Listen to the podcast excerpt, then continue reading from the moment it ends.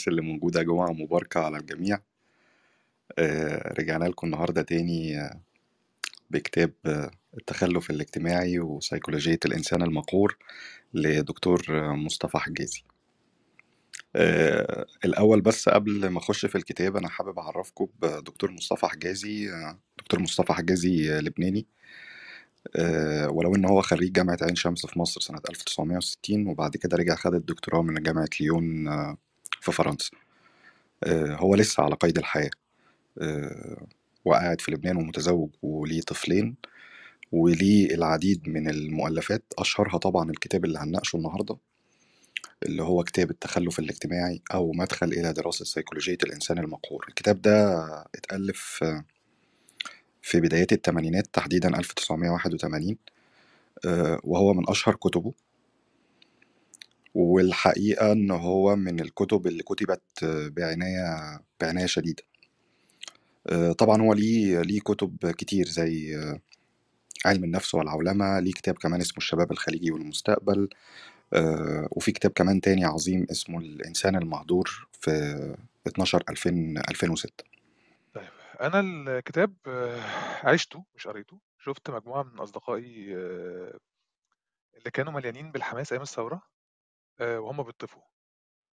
شُفت ناس كانت عندها أحلام طويلة جدًا وعظيمة جدًا، الفكرة إن أنا شُفت ده مش بس في العرب، شُفته حتى في في مجتمعات كتيرة جدًا. الشخص اللي مليان حيوية وعايز يغيّر العالم وجميل و ومناضل كده وحلو، تحس إن هو عارف في حلاوة البدايات، لسه في الأول كده وشايف إن الدنيا وردي، وشُفته وهو بيطّفي تمامًا مش شاغل باله بأي حاجة خالص آآ وهو شخص كان عايز يغيّر العالم لدرجة إن هو شخص مكسّل يغيّر ال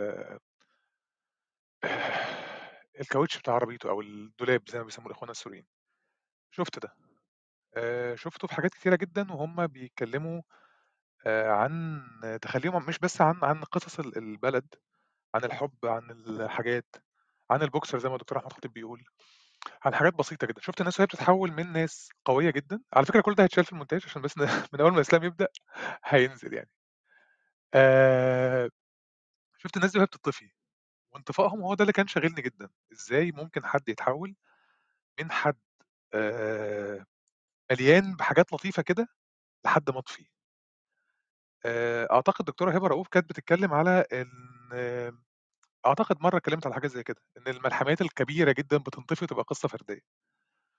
فأغلب الظن الكتاب بالنسبة لي بيتكلّم على ده، على إزاي إنّك تحوّل مجتمع مليان بمجموعة من البشر اللي عندهم رغبة إن هم يغيّروا العالم، وبعدين مش يكتشفوا إن العالم غيّرهم لأ، إن هم خرجوا من العالم. شخصيًا يعني في ظني حتى لمّا قريت الكتاب ورجعت قرايته قبل الروم، افتكرت ناس كتيرة، شُفت ناس بوشوشهم يعني، شُفت ناس كانت القهر بيحوّلها لبني آدمين تانيين خالص، لشخص هو نَفْسه لو شافه هينتقده.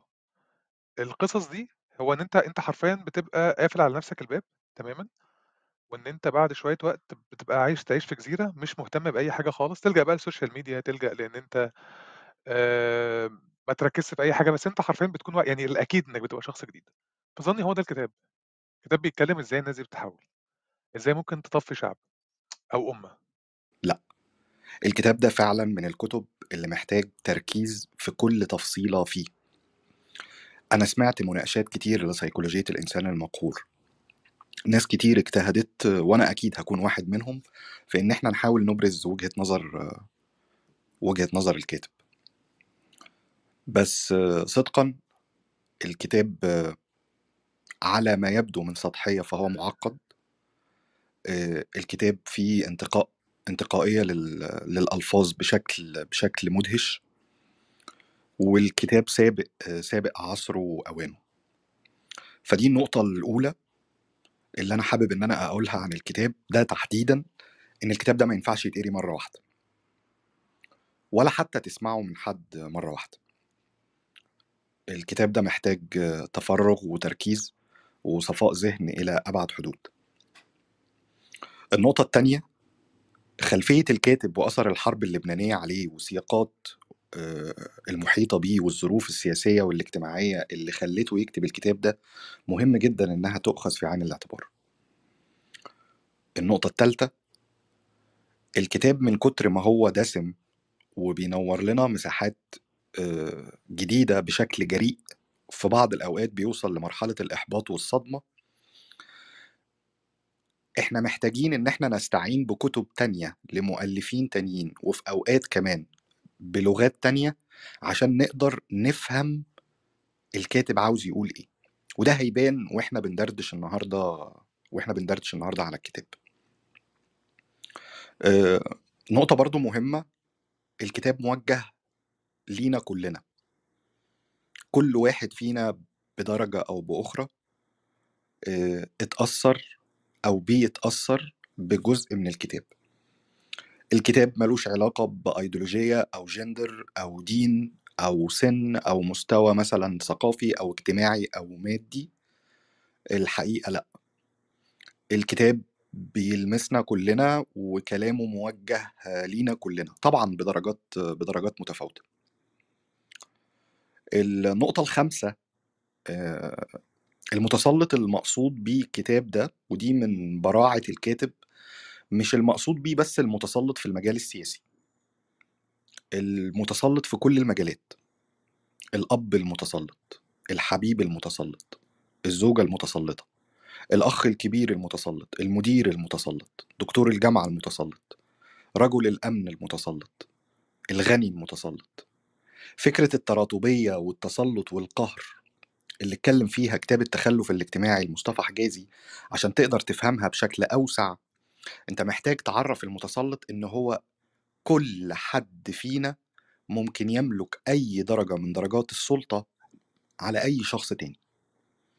حتى لو التسلط ده هو تسلط أمومي مثلا تسلط الأم تسلط الحبيب كل أنواع التسلط اتكلم فيها في الكتاب ده.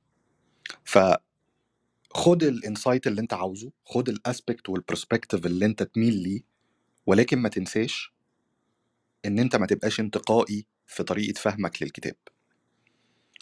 آه، النقطة السادسة ودي الأخيرة في في موضوع اللي أنا كنت عاوز أقوله قبل ما أخش في مناقشة الكتاب. آه، في كتب ما بتخرجش بحلول. آه، في كتب بتوصف ظاهرة أو بتوصف مرض أو معاناة بشكل دقيق جدا. وفي آخر الكتاب بتندهش إن مفيش حل متقدم من الكاتب ده بيؤخذ على بعض الكتب في بعض القضايا وبيتقال إن الكتاب ما قدمش حلول وإن ما هو إلا سفسطة فارغة أو كلام فلسفي آه، ملوش قيمة. الحقيقة إن ده مش صحيح. أول خطوات العلاج لأي فرد أو لأو أو لأي مجتمع هي التشخيص. المجتمع أو الأمة أو الدولة أو الفرد اللي هيتشخص بشكل خطأ هياخد دواء غلط ممكن يسبب له أعراض جانبية وممكن يودي بحياته. كانوا كان في كلمة في ال marketing في ال business management أفتكر إنها عدت على ناس على ناس كتير منكم كانوا بيقولوا لنا زمان adding new technology to old company you gonna have just more expensive old company. آه، فكرة إن أنت تجيب system أو software مثلا زي CRM أو SAP وتحطه على شركة هي هيكلة الشركة نفسها. ما تقدرش تشغل ال system ده. أنت كل اللي عملته إن أنت شركة قديمة زودت بس التكلفة بتاعتها. زي بالظبط لما يبقى عندك عربية قديمة أو متهالكة وتجيب لها موتور لامبورجيني مثلا. الفكرة دي بشكل أو بآخر موجودة في الكتاب. طيب الكتاب طبعا الكتاب فصوله كتير أنا قسمته لكم النهاردة لخمس أجزاء كبيرة. أول واحد فيهم هو نظريات التخلف تحديدها وتعريفها يعني إيه تخلف؟ آه، أسبابه نظرياته آه، وجهات النظر المختلفة فيه عشان نفهم إحنا بنتكلم عن ال- الجزء التاني الخصائص النفسية لل- للفرد أو للمجتمع المتخلف. وبعد كده الجزء الثالث الخصائص العقلية والذهنية لل- للمتخلفين أو للي بيعانوا من مشكلة تخلف سواء كان فرد أو سواء كان مجتمع. ال- الجزء الرابع هو الأساليب الدفاعية اللي بينتهجها المجتمع أو الفرد بشكل واعي أو بشكل غير واعي في أوقات كتير عشان يعني يحصل على التوازن النفسي اللي يقدر يخليه يكمل الحياة. والجزء الخامس والأخير هيكون عن المرأة اللي أفرد لها دكتور مصطفى حجازي جزء مش قليل من كتابه آه، بشكل بشكل طولي وبشكل عرضي يعني كانت دايما موجودة كمثال صارخ لظاهرة التخلف في مجتمعات كتير تقريبا في كل الفصول وجي توج ده في الآخر كمان بفصل مخصص لمعاناة المرأة والأساليب اللي بتمارس ضدها والأساليب اللي بشكل آه، مباشر هي بتنتهجها عشان تقدر تحصل على جزء آه، من حقوقها. طيب آه، هنبدأ. أول حاجة موضوع نظريات التخلف. آه، مش عاوز أفاجئكم بس برضو مش. مش هخش في الكتاب دايركتلي هستعين بجلال أمين في كتابه آه، خرافة التخلف والتقدم. عشان نفهم شوية موضوع التخلف آه، ال- الناس اللي كتبوه أو اللي بدأوا يكتبوا فيه السياقات الزمنية بتاعته وأسبابه. آه، فكرة التخلف الاجتماعي والتنمية البشرية والتنمية الإنسانية ال- ال- ال- الحدوتة دي لازم تتحكي. هحكيها لكم هحاول ما أكونش طويل. مش هطول في النقطة دي بس يهمني إن كلنا ندرك السياق الزمني والتدرج بتاع فكرة التخلف نفسها. طيب بداية القصة دي الحدوتة دي بدأت في البلاد الفقيرة اللي, اللي, اللي تقدروا تقولوا إنها وقعت تحت قبضة الاستعمار. الفترة اللي بين 1850 1950 الفترة اللي هي كان في وسطها الحرب العالمية الأولى والحرب العالمية الثانية علاقة المستعمر بالدول الفقيرة دي اتغيرت واتشكلت آلياتها على مدار 150 سنة. بدايتها خالص كانت إن المستعمر أو المتسلط بيحط إيده على المواد الأولية بتاعت كل البلاد المستعمرة. بيستغل بقى القوى العاملة فيها لأنها طبعا زهيدة الثمن وبيسوق للمواد اللي بينتجها في بلده الأم. الفترة دي ما كانش طبعا مطلوب من البلد المستعمر ده إن هو يبقى عنده أي تنمية اقتصادية. لا مطلوب إن أنت ترفع مستوى الدخل ولا معدل التصنيع ولا مستوى الإنتاجية ولا الكلام ده كله. ليه؟ لأن كان أهداف الاستعمار بتتعارض تماما مع التنمية الاقتصادية للبلاد المستعمرة. هم مش عاوزين البلاد المستعمرة المستعمرة إنها تنتج سلع بديلة مثلا أو آه، ترفع مستوى الأجور أو ينشط التعليم أو تصنع المواد الأولية محليا. وكان ال take home message من الفترة دي إن البلاد المستعمرة دي هي بلاد فاشلة كسولة آه، بالتبعية. بلاد ما تقدرش يبقى عندها تنمية اقتصادية وإنها المفروض تنسى تنسى أي حاجة اسمها تصنيع أو تنمية وترضى باللي هي فيه. واتسمت ال... والدول اتسمت في الفترة دي بال backward countries أو الدول المتأخرة. كان اسمها كده. وبعد كده انتقلنا لمرحلة تانية. خدوا بالكم بقى من التدرج. بتاع إن بقى في نوع من أنواع التنمية درجة من درجات التنمية مطلوبة في الدول المستعمرة دي. ليه مطلوبة؟ لأن بقى الإنتاج كبير وبقى أنا تكلفة إن أنا أجيب المنتج من الدولة المستعمرة أو المتسلطة بقت غالية. فكان لازم أنا كمستعمر أسمح بنوع من أنواع التنمية يعني أرفع شوية متوسط الدخل أنشر شوية التعليم أشجع بعض الصناعات الله أكبر الله أكبر. وده كان مطلوب بشكل بشكل أو بآخر. ومن وبشكل مفاجئ تحولت الدول الفقيرة دي من دول مانعة للتقدم وللتنميه لدول معطلة بس للتقدم والتنمية. الكلام ده كان تقريبا تقريبا بعد انتهاء الحرب العالمية الثانية فاتسمح بهامش من التنمية وهامش من التصنيع وهامش من التعليم عشان خاطر إحنا كمستعمرين المفروض مننا إن إحنا نقلل التكلفة ونزود كمان من المجال الاستهلاكي للسلع اللي إحنا بنقدمها. وبين يوم وليلة تحولت ال backward countries لما يسمى ال developing countries الدول النامية. وتحولت المجتمعات اللي كانت معط... اللي كانت مانعة للتقدم وللتنمية لمجتمعات معطلة فقط ويسمح لها بقدر من التنمية. طيب.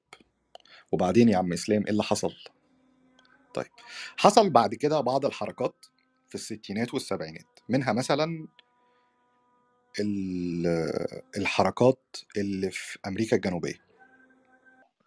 هو أنا اتفضل. أكتر حاجة بتعجبني ال- ال- الحدوتة بتاعت وصفه للم- لمجال المستعمر إن هو بيتكلم على خلو القصة من الأخلاق تماما هو بيجي يتكلم على إن ال ال ال ال آه، إن هو بيتعامل معاه إن هو شخص مش مش زيه مش مماثل ليه. هو ده اللي كان بيلفت نظري أعتقد إسلام هيروح للنقطة دي بعدين. وده اللي بعد شوية وقت بيخليك تبص إن في نظرة دونية كده. معرفش أنت فاكر فاكر- واخد بالك منها في الكتاب ولا تمام. طيب نرجع تاني. بدأت الحركات في في أمريكا الجنوبية في الستينات والسبعينات وبدأت حركة ال- الرفض للتبعية للمستعمر أو التبعية للغرب. آه، اتسمت بمسميات مس- مختلفة زي ال dependency أو آه، فك الارتباط أو ال self-reliance حاجات كتيرة جدا آه، في الفترة دي. وإن بقى مفهوم إشباع الحاجات الأساسية ده منوط بيه الدول بدون الاعتماد على الغرب. وبعد كده في بداية السبعينات بدأت موضوع ضرورة الانفتاح الاقتصادي وده اللي إحنا شفناه برضو في المنطقة بتاعتنا وتحديدا في بلدنا مصر. وبدأ دور الدولة يضعف بشكل كبير جدا. هو مش بشكل كبير بس هو بشكل كاسح يمكن أو بشكل شامل على كل حاجة ليها علاقة آه، بالصناعات أو أدوات التنمية. وبعد كده فوجئنا في العشرية الأخيرة من القرن الماضي لغاية وقتنا ده إن إحنا في عصر ما يسمى بصراع الحضارات. إن في حضارة غربية وفي حضارة شرقية وفي مجال صراع بينهم بعد طبعا دخول ال- العملاق الصيني للمعادلة العالمية. طيب. ده ماله بقى ومال موضوع نظريات التخلف؟ ده بيديك بشكل مبسط كده اللي قاله مصطفى حجازي في نظريات التخلف وسرده ليها. هو ما استعنش بكل التفاصيل ولا السرد التاريخي ده بس هو قسم رؤية أو تحديد وتعريف نظريات التخلف إلى ثلاث نظريات رئيسية. منظور سطحي ومنظور اجتماعي ومنظور اقتصادي. المنظور السطحي اللي هو المنظور ال- المعروف بشكل كبير اللي هو متوسط الدخل الفردي. يعني إيه متوسط الدخل الفردي؟ يعني الدخل الإجمالي للدولة على عدد السكان يديك ما يسمى بمتوسط الدخل الفردي. وكانت الدول أو مش كانت هي حتى الآن التصنيف ده بيقسم الدول على حسب دخل الفرد أو نصيب الفرد من الدخل القومي وبيتقسم لعدة آه، مستويات. لما يبقى نصيب الفرد أقل من 100 دولار مثلا فدي دولة متخلفة من 100 دولار في السنة. من 100 ل 300 دولار في السنة فدي الدول آه، آه، النامية من 300 دولار ل 1000 دولار. آه، دي الدول اللي تقدر تقول في طريقها للنمو وأكتر من 1000 دولار دي الدول المتقدمة. وممكن توصل حتى لأكتر من 2000 دولار أو حدود ال 2000 دولار لبعض الدول الإسكندنافية أو بعض الدول الأوروبية وفي بعض المسائل آه، بالنسبة للولايات المتحدة آه، الأمريكية. طيب هل ليه سمي المفهوم ده بمفهوم سطحي؟ للحكم على تخلف مجتمع ما أو تخلف دولة ما؟ لأسباب في, في الأول كده تحس إنها بديهة بديهية فعلا. أول حاجة إن مفيش عدالة أصلا في توزيع الدخل فما ينفعش إن أنا أقسم على عدد السكان. ليه؟ لأن كلنا عارفين إن الشكل الهرمي أو التوزيع السكاني لممتلكي الثورة في البلاد بيختلف من بلد لآخر وبيبقى فيه تكدس للثروات في لشريحة قليلة جدا من آه، المواطنين. فده طبعا مش هيقدر يرفلكت آه، مستوى التقدم أو التنمية أو الإنتاجية اللي موجود في بلد آه، في بلد ما. دي النقطة الأولانية. ال- النقطة الثانية موضوع البترول.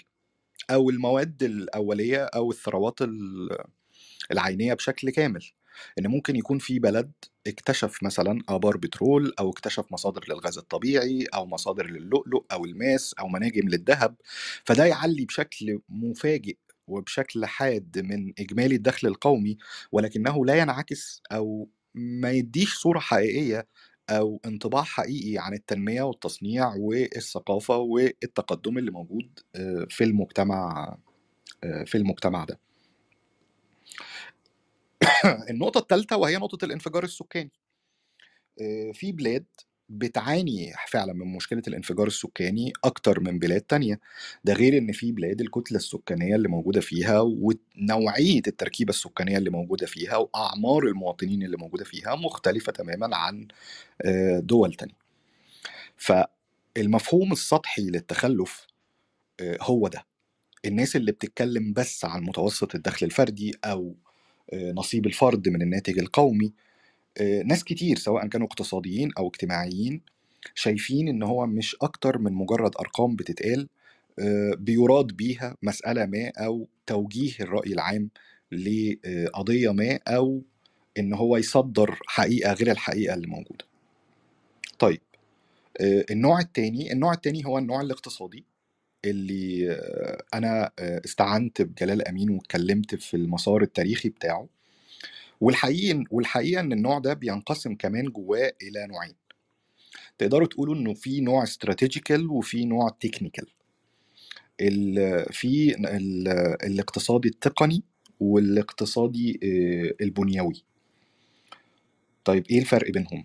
آه، ليه ليه جوه التقدم الاقتصادي آه، في فروقات؟ الفروقات جاية من تجارب فشلت في دول في دول كتير.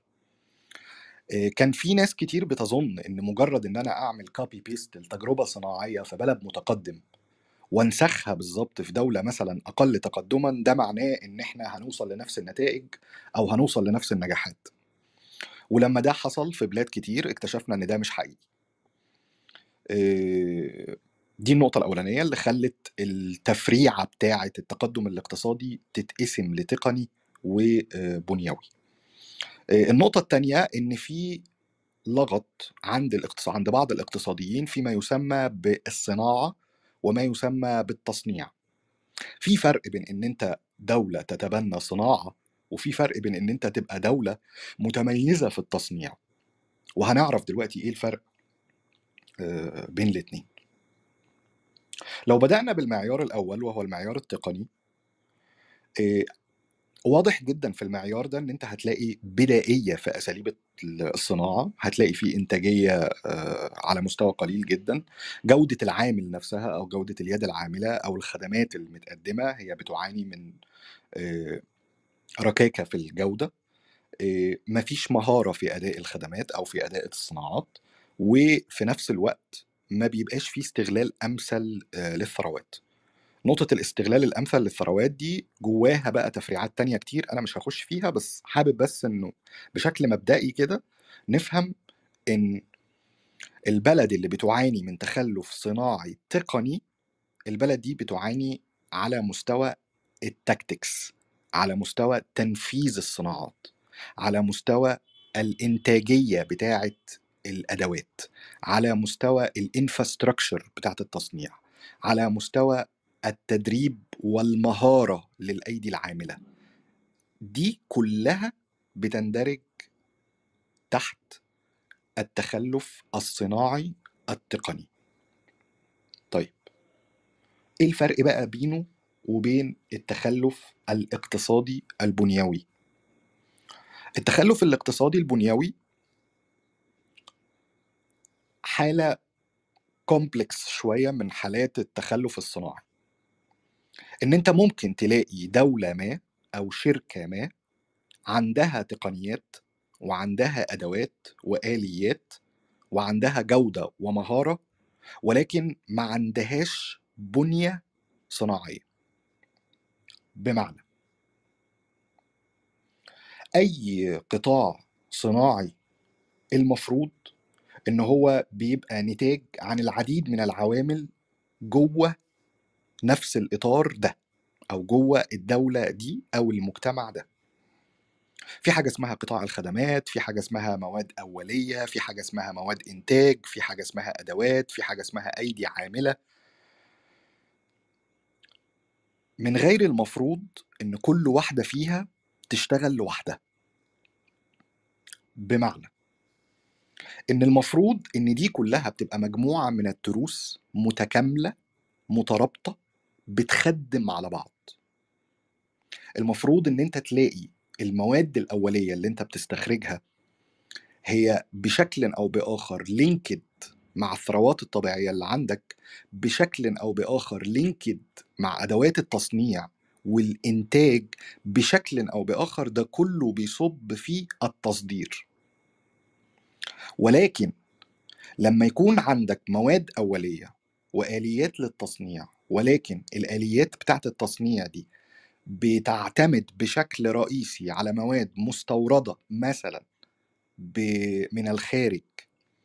والأدوات الأولية بتاعتك أو المواد الأولية بتاعتك اللي أنت بتنتجها أنت بتصدرها للخارج بدون استخدامها جوه المنظومة الاقتصادية والصناعية بتاعتك هنا بيحصل أكتر من خلل. بتقدر تشوفوا الخل... الخلل ده في بعض الأوجه وبعض النقاط الواضحة جدا في مسألة التخلف الاقتصادي البنيوي. واحد فيهم إن بيبقى فيه تبعية للخارج. ليه بيبقى فيه تبعية للخارج؟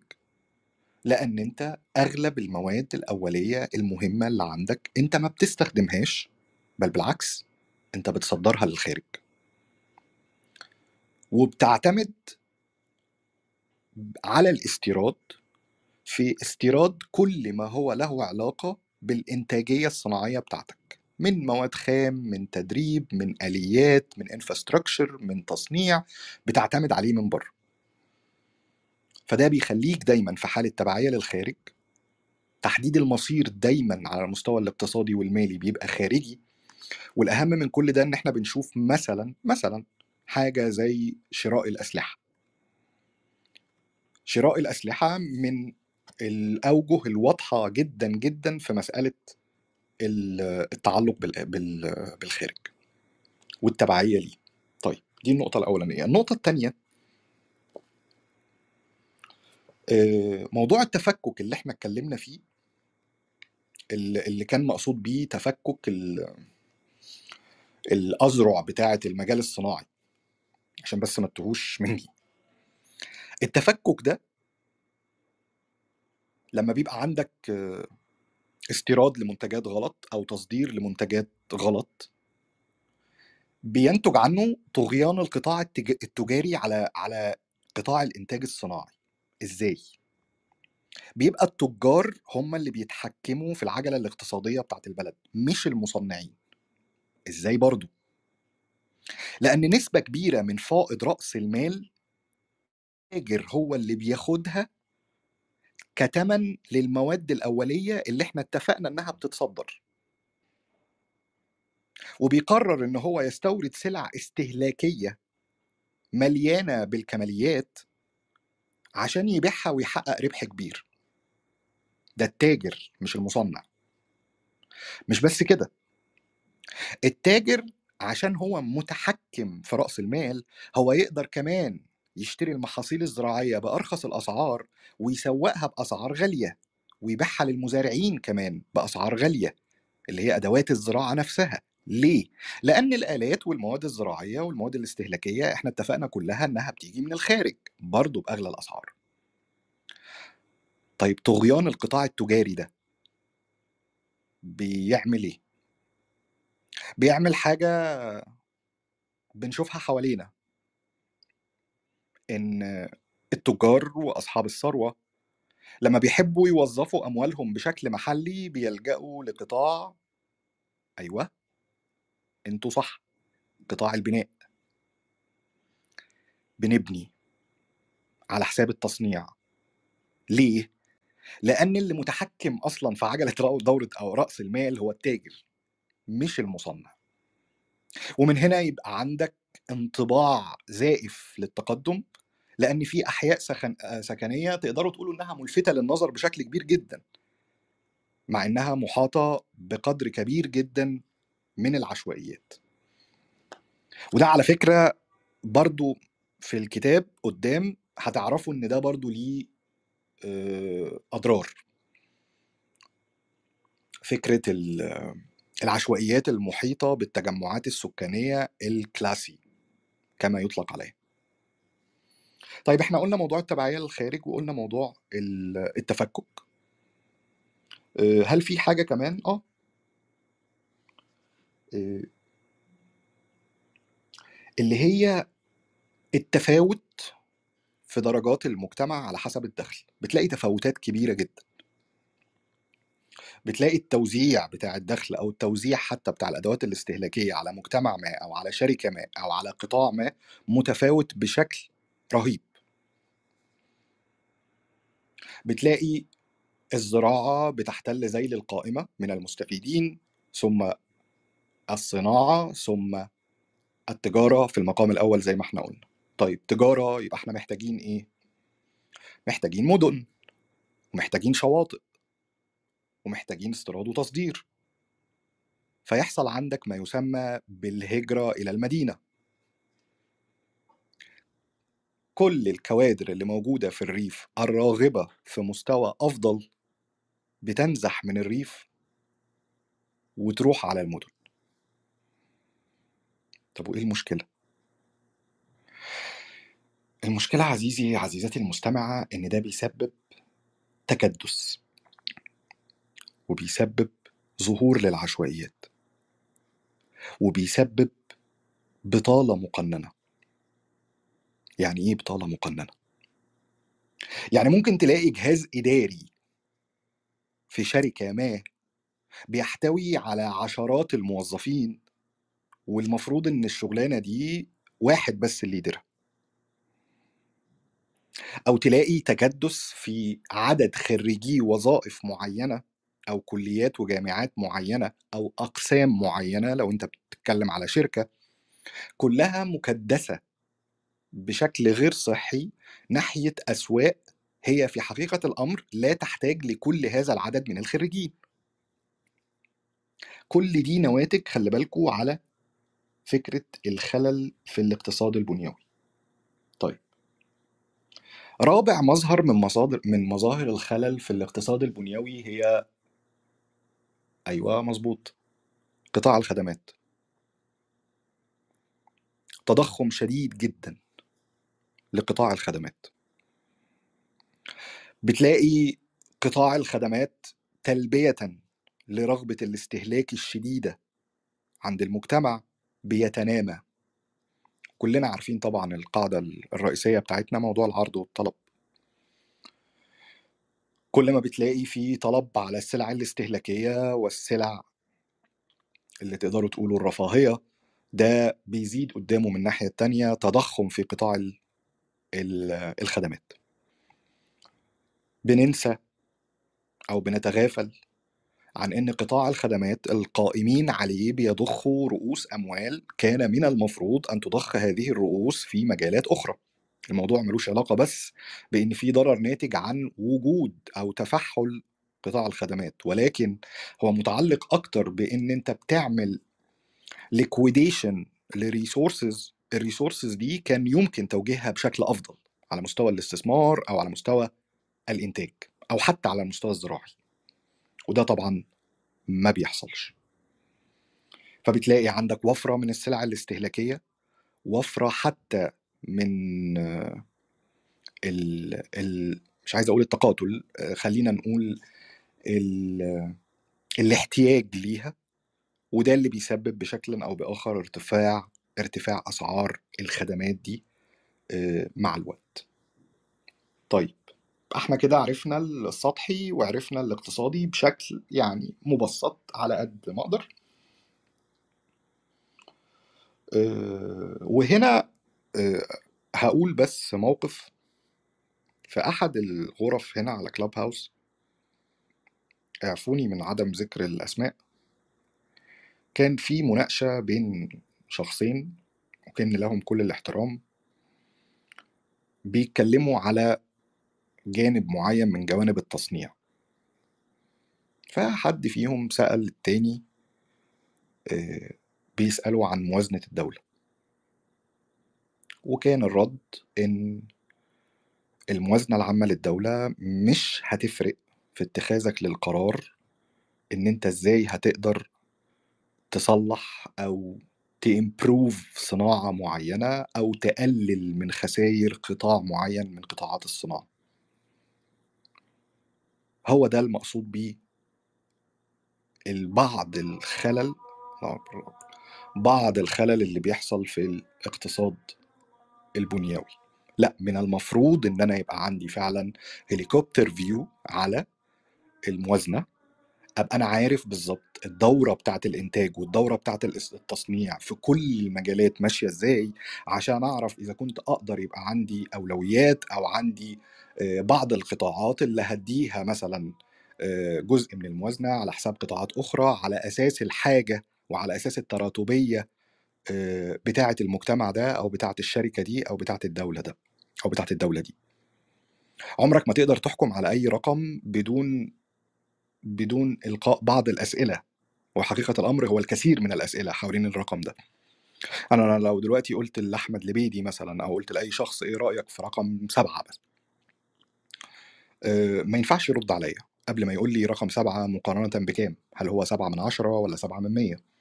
هل السبعة دي كانت ستة السنة اللي فاتت وبقت سبعة ولا كانت تمانية وبقت سبعة آه، هل السبعة دي آه، ناتجة عن دين مثلا أنا مستلفها من nowhere ولا السبعة دي نات- ناتجة عن improvement وال development myself آه، السبعة دي على معيار إيه؟ هل السبعة دي على معيار واحد اتنين تلاتة أربعة خمسة ولا على معيار مية ميتين تلتمية ربعمية؟ السبعة دي ال competitors بتوعها بي بيمثلوا قد إيه؟ هل هو سبعة والمنافسين ليه ستة وخمسة ولا هو سبعة والمنافسين ليه عشرين وواحد وعشرين؟ أسئلة لا حصر لها لما بنيجي نتعامل مع الأرقام آه، من حق اللي بيتلقى الرقم إن هو يسأل عليها. إحنا كنا عملنا room قبل كده لسومبو اسمها the number bias كانت اتكلمت في جزء من ال- من الموضوع ده.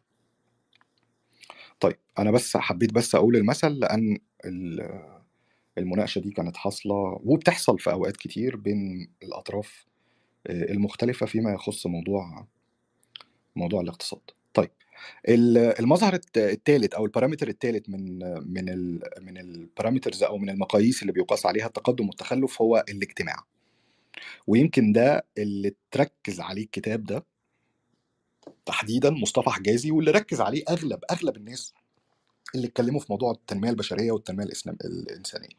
سمعنا كلنا عن موضوع كان اسمه إيه؟ ال social progressive index human developmental index ال sustainability index ال parameters اللي طالعة من من جهات عالمية ودولية بتقيس معدلات التعليم معدلات الصحة معدل الأعمار للمواطنين في أوقات تانية بتدخل كمان الدخل الفردي للمواطنين وبتتطور سنة بعد سنة لغاية ما وصلت إنها بدأت تقيس كمان درجة الحريات ودرجة المساواة بين ال genders جوه المجتمعات دي. هذا ما يعرف بالتقدم والتخلف الاجتماعي.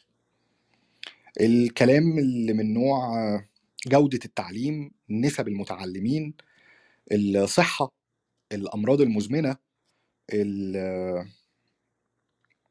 آه، مقاومة التغيير مثلا آه، مقاومة التغيير هنا المقصود بها المقاومة العلمية للتغيير أو التراتبية بتاعة العلوم الانفجار السكاني البطالة كل دي كل دي الحقيقة هي بارامترز كتير جدا بتخش فيما يسمى آه، آه، بالتقد المعيار الاجتماعي للتقدم أو للتخلف. والحقيقة بقى ودي آخر حاجة هقولها فيما يخص موضوع التخلف قبل ما نخش بقى في صميم ال- سيكولوجية الإنسان المقهور إن كل العوامل دي أو كل المعايير والمقاييس دي بشكل أو بآخر معتمدة على بعض. يعني بتلاقوا مثلا على سبيل المثال إن تدهور التغذية مثلا على سبيل المثال. تدهور مستوى التغذية بيؤدي إلى زيادة الأمراض المستوطنة بيؤدي إلى آه، عدم إنتاجية أو عدم جودة أو عدم التصاق بالعملية الصناعية مثلا. بتلاقوها كلها دايرة حوالين بعضها. حتى فيما له علاقة بالرياضة باي ذا مظاهر آه، التنمية ما ينفعش إنها تؤخذ بشكل فردي لأن هي عملية متشابكة بشكل كبير ومعقدة وهتلاقيها كلها في حالة جدلية ديالكتية دائمة في كل الأطراف. مفيش حاجة اسمها أنا عندي سبب السبب ده بينتج عنه نتيجة وتقفل القوس وتنتهي. لا الموضوع في دراسة المجتمعات أو في دراسة الدول أو الشركات أو المؤسسات ما بيبقاش بالسطحية دي. لأن السبب ده ليه أكتر من سبب وطالع منه أكتر من نتيجة وأوقات بتبقى النتائج في حركة تبادلية أصلا مع الأسباب. واحد ال ال الأنواع من الحركات الجدلية دي هي موضوع سيكولوجية الإنسان المقهور. إحنا هنعرف النهارده وإحنا بنتكلم إن فكرة الإنسان المقهور نفسه هو عامل مهم لبقاء ال system اللي اتولد فيه هذا الإنسان المقهور. ال- ال system ده يعني نوي وهو بيتكلم كان بيقول إنه بيتحول بعض الناس للقهر وللكسل وللعنف وللامبالاه واللانتماء في أوقات كتير بعد ما بيكونوا شعلة من النشاط والحيوية. في حقيقة الأمر وده الخبر المحزن إن في قطاع كبير من تجمعات أو مجتمعات أو ثقافات هو في حقيقة الأمر هو بيتولد مقهور. هو الديفولت بتاعه مقهور. التعليم اللي بيناله والغذاء اللي بيتناوله والصحة اللي هو بيبقى موجود فيها تعامل أبوه وأمه تعامل الطلاب تعامل المدرسين تعامل نظام العمل تعامل تعامل الطبيعة بشكل عام أو تعامل النظام اللي بيحكموه سواء كان نظام أسري أو نظام عشائري أو نظام مدني أو نظام بشكل أو بآخر لو ما توفرلوش أي درجة من درجات الحماية فهو الديفولت بتاعه إنه بيكون مقهور. مش العكس. ولك أن تتخيل عزيزي المستمع عزيزتي المستمع إن أنا هنا بتكلم عن المقهور الراجل. أنا كل ده ما اتكلمتش بقى عن المتنفس الوحيد للمقهور الراجل ده. اللي هو إيه؟ أيوه المقهور الست بقى. يعني المقهور الراجل ده بعد ما بيبقى خلاص في الآخر خالص كل العوامل أثرت فيه ما بيلاقيش قدامه غير درجة تراتبية واحدة فقط هو اللي يقدر يستخدم عليها التسلط والقهر والسلطوية والعنف والت- والتبعية والامتلاك ألا وهي المرأة المقهورة. واللي بعد كده هنتكلم بقى في الموضوع ده وهنفهم المرأة المقهورة بتعمل إيه والراجل بقى بيعمل معاها إيه ودرجات ال- المجتمع وهكذا. إيه، أنا كده خلصت ال- الجزء الأول بتاع نظريات التخلف. أتمنى إن هو يكون وصل بشكل كامل. اتكلمنا عن ال- السياق التاريخي بتاع نظريات التخلف. اتكلمنا عن المقاييس الاجتماعية والسطحية والاقتصادية. قدرنا نفرق بشكل أو بآخر بين ال... بين التقدم الاقتصادي التقني والتقدم الاقتصادي البنيوي والفرق بين الدول المتقدمة صناعيا والدول اللي نقدر نقول عليها بشكل أو بآخر متأخرة صناعيا. وعرفنا بشكل مبسط إيه المظاهر اللي بتقدر آه، تشوف بيها التأخر ده.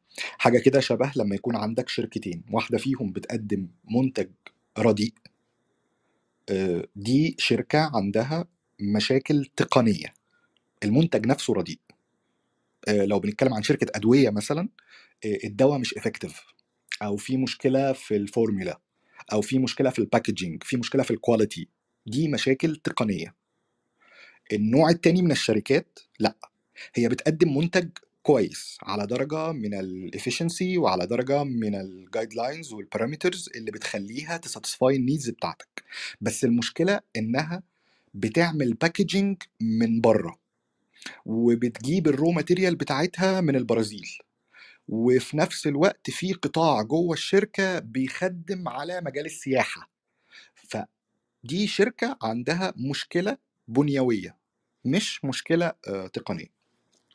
آه، آه، ده بالنسبة لل- للجزء الأول. آه، مش عارف أكمل في بقية الأجزاء ولا عاوز حد عاوز يعلق على حاجة في ال- لا لا كمل كمل كمل يا سلام.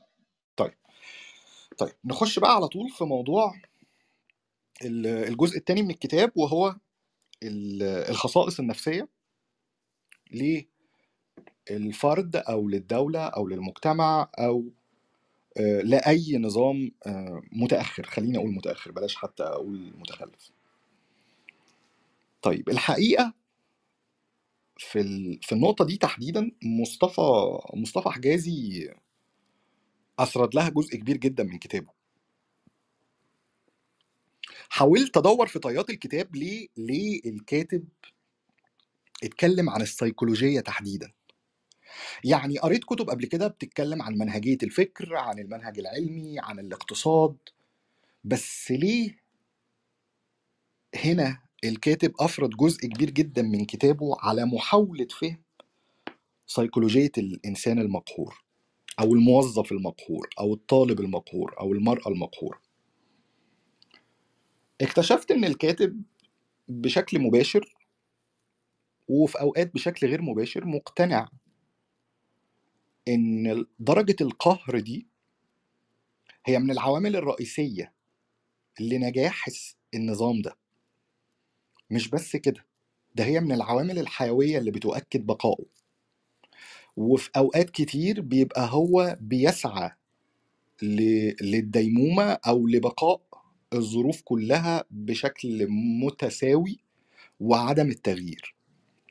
ممكن توافقوا ممكن ما توافقوش بس كانت هي دي وجهة نظر الكاتب وهي دي فلسفة آه، دكتور مصطفى وهو آه، بي بي بتقدروا تقولوا بيسهب في في النقطة دي. هو من وجهة نظره هو شايف إن التخلف بشكل عام بشكل عام كده هو هدر لقيمة الإنسان آه، وكرامته. و... وإن مفيش مجتمع أو شركة أو قطاع أو جنس أو دين أو جندر تقدر تقول عليه إن هو متخلف بالوراثة أو متخلف بالطبيعة ده مش حقيقي. هو شايف إن التخلف ده عامل زي مرض آه، بتصاب بيه الأفراد وتصاب بيه المجتمعات وكل اللي إحنا بنشوفه ما هي أكتر من مجرد أعراض للمرض ده.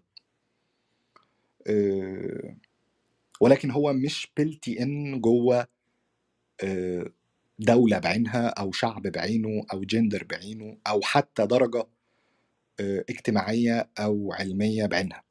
لأ الموضوع مش كده. ده هو راح أكتر إن الموضوع حتى ملوش علاقة بالاستعمار بشكل كبير. يعني هو حتى اختلف هنا شوية مع آه، فرانس آه، فانون.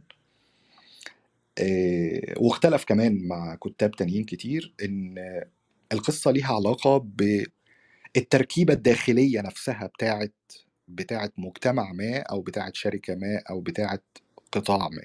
إن في من المستفيدين أصلا أكتر من التأثيرات الخارجية اللي بتسعى لبقاء الوضع كما كما هو عليه. طيب نروح للموضوع على طول بدون بدون إسهاب كتير. آه، هو قسم الخصائص النفسية لثلاث مراحل.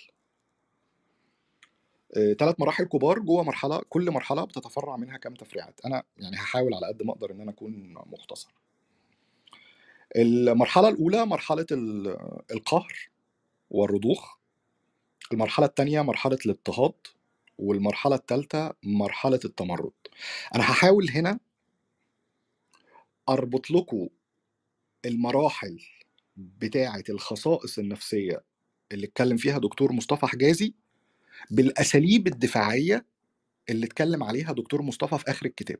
يعني هحاول إن أنا أقول لكم كل مرحلة إيه الأسلوب الدفاعي اللاواعي اللي في أوقات كتير بيستخدمه الفرد عشان يقدر يتعامل وي- ويحصل على درجة من درجات التوازن النفسي جوه المرحلة دي. طيب قلنا إن أول مرحلة مرحلة القهر وال... والرضوخ. المرحلة دي بتتميز بثلاث عقد. عندك ثلاثة كومبلكس. نقص وعار وديمومة. تاني نقص وعار وديمومة. يعني إيه؟ مش فاهمين حاجة. طيب واحدة واحدة. فاكرين لما نووي في الأول؟ قال لك الناس بتكسل الناس بتفقد الشغف. هي دي الفيز 1 من المرحلة دي. عقدة النقص. مش فارقة حاجة.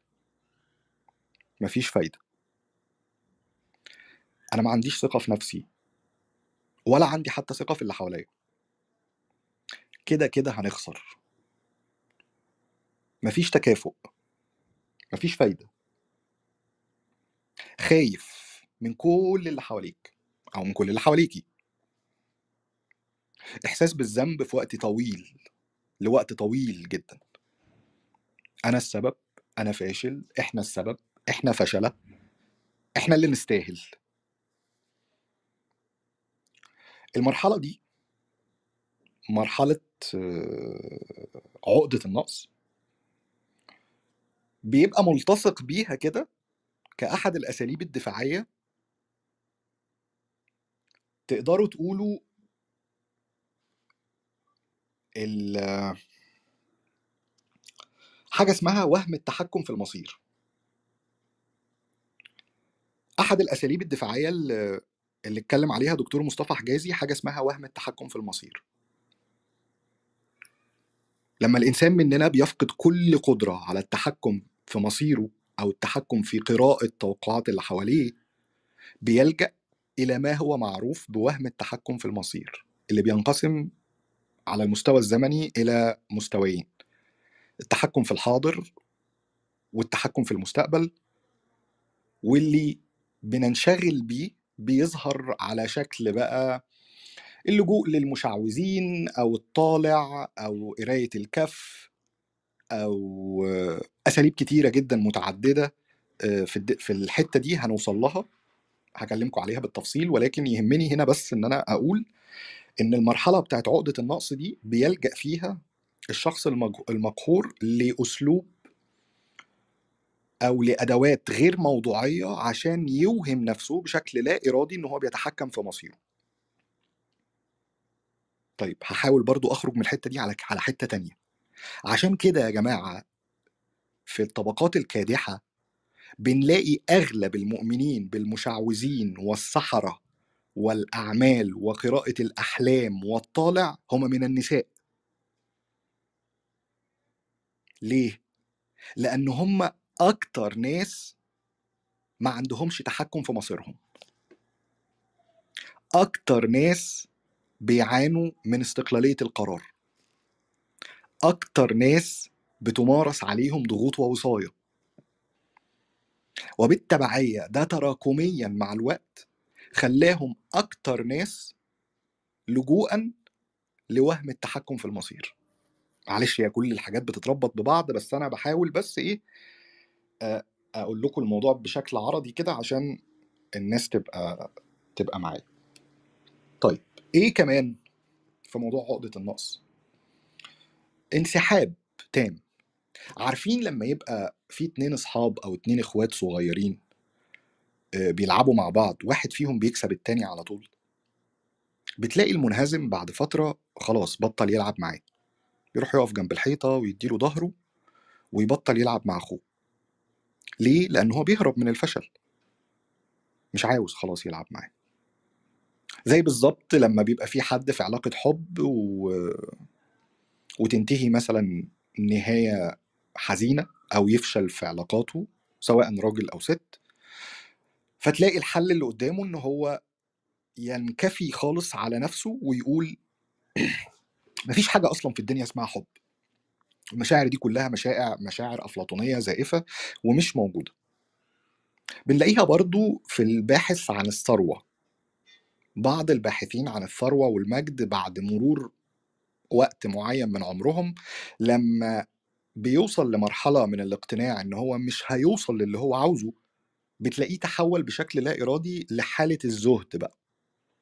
هي مش كل حاجة الفلوس هي الناس بتهمها المظاهر المظاهر خداعة دي كلها حاجات وأحلام واهية دي كلها أوهام للسعادة وهكذا. هو ده المقصود بيها أو آه، اللي تقدروا تقولوا مرحلة الانسحاب والاستسلام. ما تلاقيش الشخص ده بيشارك في أي عمل جماعي. هو مش عاوز. هو لا عاوز يطور من نفسه ولا عاوز يطور من المجتمع ولا عاوز يعمل أي عمل بناء ولا أي ولا أي عمل هادف ولا أي عمل هادف. ليه؟ لأن هو شايف إن مفيش فايدة. ولأن هو شايف بشكل أو بآخر إن هو والمحيطين بيه هم مسؤولين أصلا عن الوضع اللي هم موجودين فيه. فدي يبقى العقدة الأولانية عقدة النقص. إيه بنستخدم عندها؟ إيه؟ بنستخدم عندها؟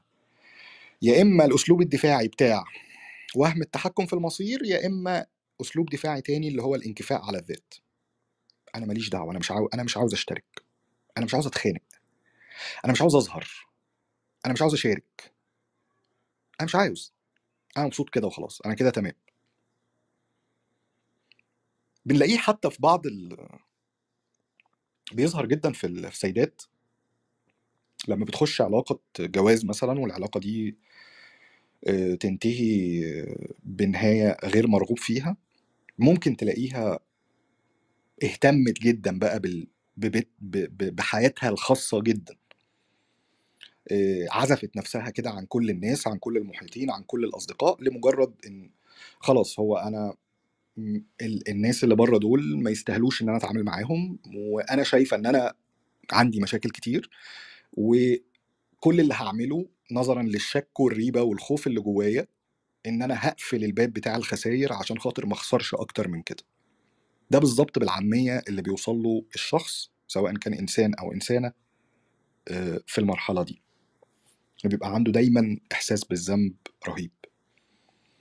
زي الموظف اللي من كتر ما بيشتغل وما بيلاقيش نتائج أو ما بيترقاش بيوصل لمرحلة من المراحل إنه بيشك في قدراته والكواليفيكيشنز بتاعته وبيوصل لمرحلة أكتر إنه بيقول الحمد لله إن هم سايبيني في الشركة. ده أنا كتر خيره أصلا المدير إن هو ما رفدنيش. طيب. العقدة التانية ودي اللي بتيجي بعد عقدة النقص بقى. إحنا قلنا إيه؟ قلنا نقص وعار وديمومة. العقدة التانية عقدة العار. إيه يا عم عقدة العار دي؟ بص الأولاني كان لا طايق نفسه ولا طايق اللي حواليه. وشايف إن هو واللي حواليه سبب في اللي هما فيه. مع الوقت النفس البشرية ما بتقدرش تستحمل الذنب واللوم الزيادة ده. بتاخد وقت آه ممكن تاخد سنين سنين المرحلة الأولانية دي. بس عاجلا أم آجلا لو اتكتب لك يعني طول العمر أو لو اتكتب لك طول العمر هتروحي للمرحلة التانية. اللي هي إيه؟ اللي هي العار. اللي هي لأ. ده ده أنا لازم أتغير. أنا خجلان من نفسي ولازم أغرق نفسي في جو من المظاهر اللي أزيف بيها أي أي أزيف بيها الحقائق. إيه بيتولد نوع من أنواع الحساسية الحساسية الزيادة أو الحساسية المفرطة ضد كل ما هو بتتعرض له من نقد. يعني تقدروا تقولوا أنت ما تبقاش مستحمل نفسك. اللي هو أنا مش ناقص. إيه أنت مش طول الوقت هتعرفني إن أنا فاشل. مش طول الوقت هتعرفني إن أنا استاهل وإن أنا عندي إحساس بالذنب. المرحلة دي ليها عديد من المظاهر. أهمها برضو فيما يتعلق بعلاقة الراجل بالمرأة. المرأة بشكل أو بآخر. بدل ما يبقى هو بيدور على حل لفشله أو هوية ليه بدل الهوية اللي ضاعت في المجتمع اللي هو عايش فيه بينسب للمرأة إن هي مصدر العار الحقيقي ليه ويستخبى وراه. أنا شرفي وكرامتي هم دول اللي هحققهم. وهم دول اللي أنا ضامنهم. وهم دول اللي أنا أقدر أهرب من فشلي وإخفاقي وإحساسي بالذنب وإحساسي بالعجز في تصديات التحديات بتاعة المجتمع. طيب أسهل حاجة هي إيه؟ هي المرأة. مش بس عشان أضعف لأ. هي كمان عشان حاجة مش فيا أنا. فسهل جدا جدا. إن ساعة الإخفاق أقول أنا مش أنا المسؤول. إيه هم شرفي ومرؤتي وكرامتي آه بس العار ليه علاقة بيها هي وهي اللي لازم تتحمل مسؤولية العار ده. إيه عقدة العار برضو بتلاقوها ليها علاقة بالاستعراض بشكل كبير. الاستعراض في الهدوم في الادوات الاستهلاكية الاستعراض في مظاهر الطرف ال- التصدير المبالغ فيه لشعور بالسعاده مثلا أو بالمتعة كل دي كل دي مظاهر من مظاهر ال- الإحساس بالمرحلة الثانية أو بالفيس 2 من مرحلة القهر وال- والرضوخ. طيب. لما بتبقى طول الوقت عايز تزيف الحقائق ولما بتبقى طول الوقت عايز تخبي الواقع ولما تبقى طول الوقت عايز تهرب من المسؤولية أو تهرب من الذنب هتلاقي أفراد المجتمع ده غرقانين في بحر من النفاق الاجتماعي. النفاق النفاق الاجتماعي المقصود هنا مش بس على مستوى العلاقات على مستوى كل حاجة. هتلاقي احتيال هتلاقي نصب هتلاقي كذب هتلاقي سرقة هتلاقي طلاق هتلاقي علاقات فاشلة هتلاقي غش في امتحانات هتلاقي واسطة ومحسوبية في في التعيينات. هتلاقي آه، تحايل في في رياضة. كل ما له حقا كل ما هو ليه علاقة بإخفاء الحقائق هتلاقيه موجود. أنت في حقيقة الأمر هت هتحس إن أنت عايش في محيط محيط واسع من التضليل عليه شوية جزر كده منعزلة من الحقائق الموضوعية.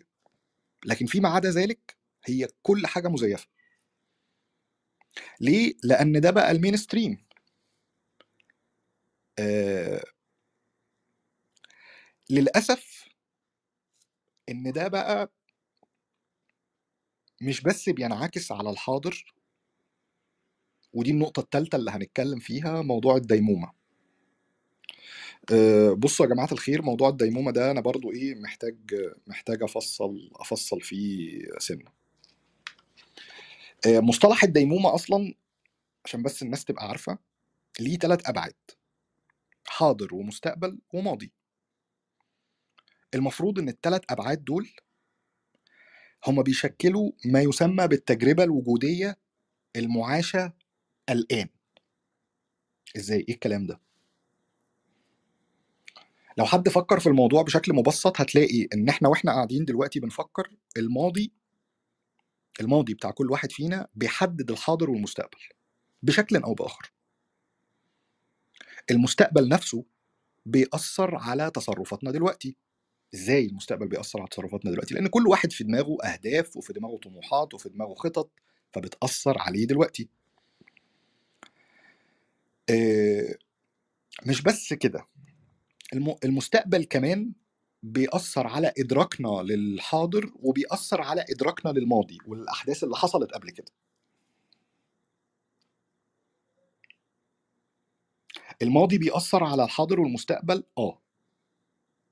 بنتعلم منه بنخاف من المستقبل في بعض الأمور بنقلق من بعض الظواهر اللي موجودة حوالينا في الحاضر بناء على تجارب عشناها في الماضي. الحاضر بيأثر على المستقبل definitely. انت دايما دايما. آه، الحاضر بتاعك هو اللي ترجمتك ليه هو اللي هتدعوك سواء للتفاؤل أو للتشاؤم. الأهداف الآمال الطموحات.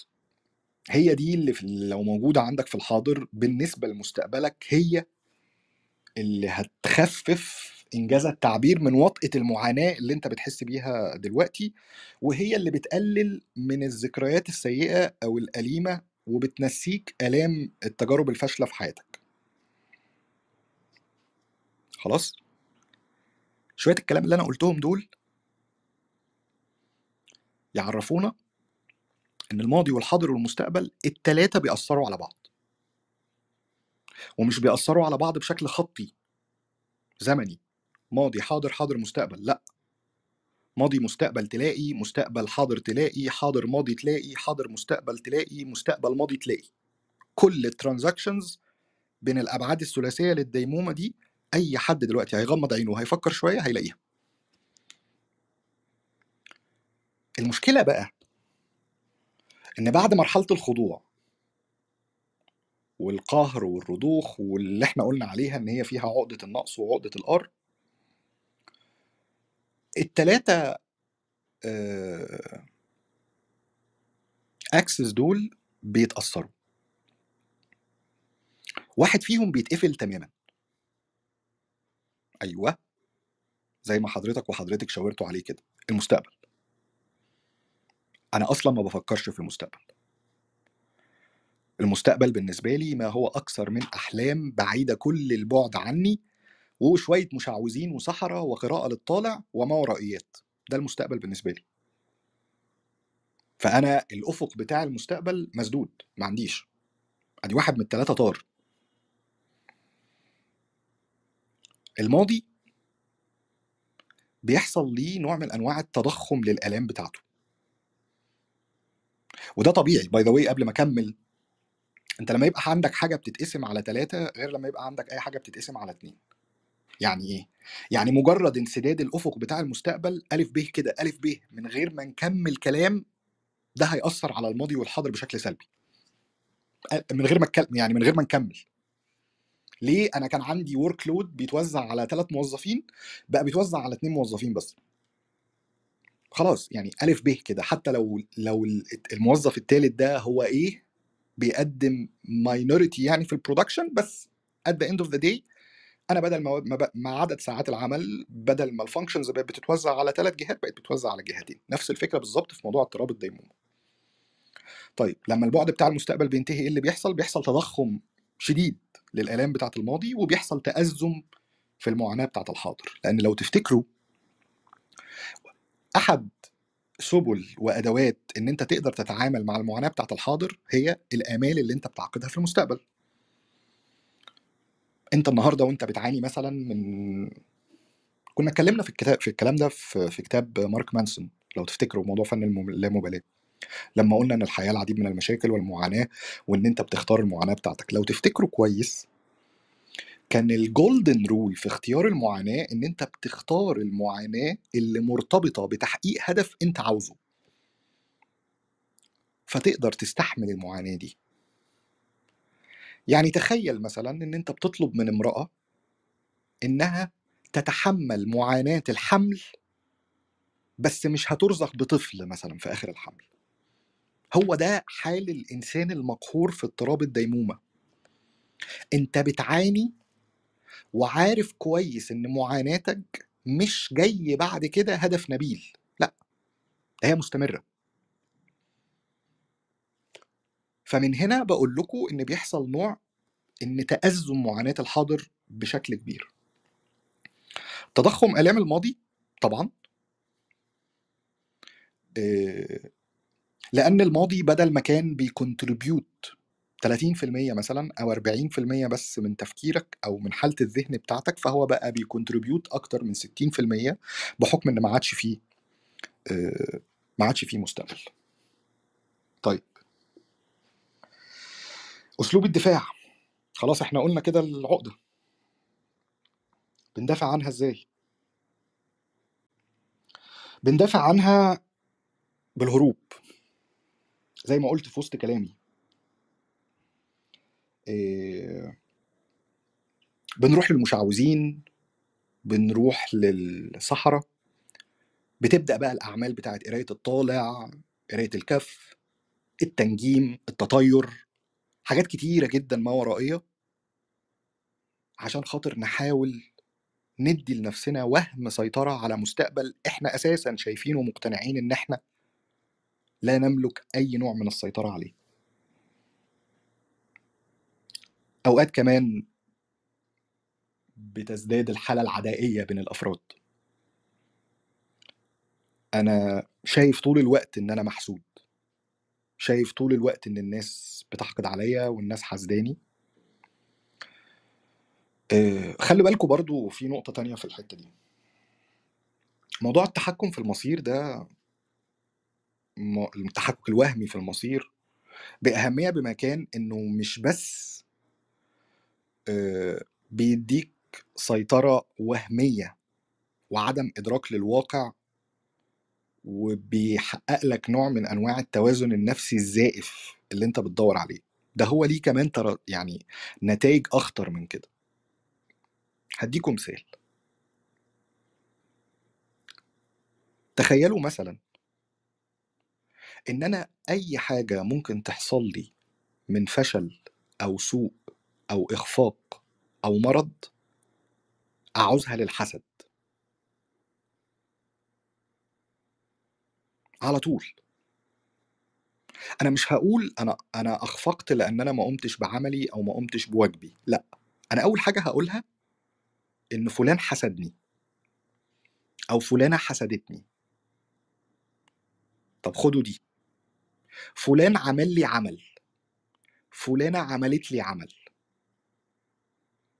طب أقول لكم على حاجة تانية. فكرة الشيطان. فكرة إن أنا مش مسؤول عن اللي أنا عملته. فكرة أصل هو شيطان وزني. أنا ما كنتش عاوز أعمل كده. ما كنتش عاوز. ما كنتش عاوز أقتل ما كنتش عاوز أسرق. ما كنتش عاوز أغتصب. ما كنتش عاوز أعتدي ما كنتش عاوز أظلم. دي كلها حاجات أنا ما كانش ليا اليد أي يد في اختيارها.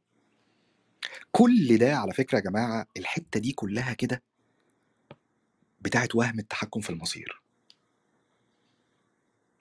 بتفقد المسؤولية بتفقد السيطرة بتفقد أي علاقات امتنان أو مودة أو رحمة بين المظلومين بتفقد كل بتفقد كل المشاعر دي. على طول بتروح ناحية الحسد الكره الغل الحقد الحقد آه، التنجيم التطير.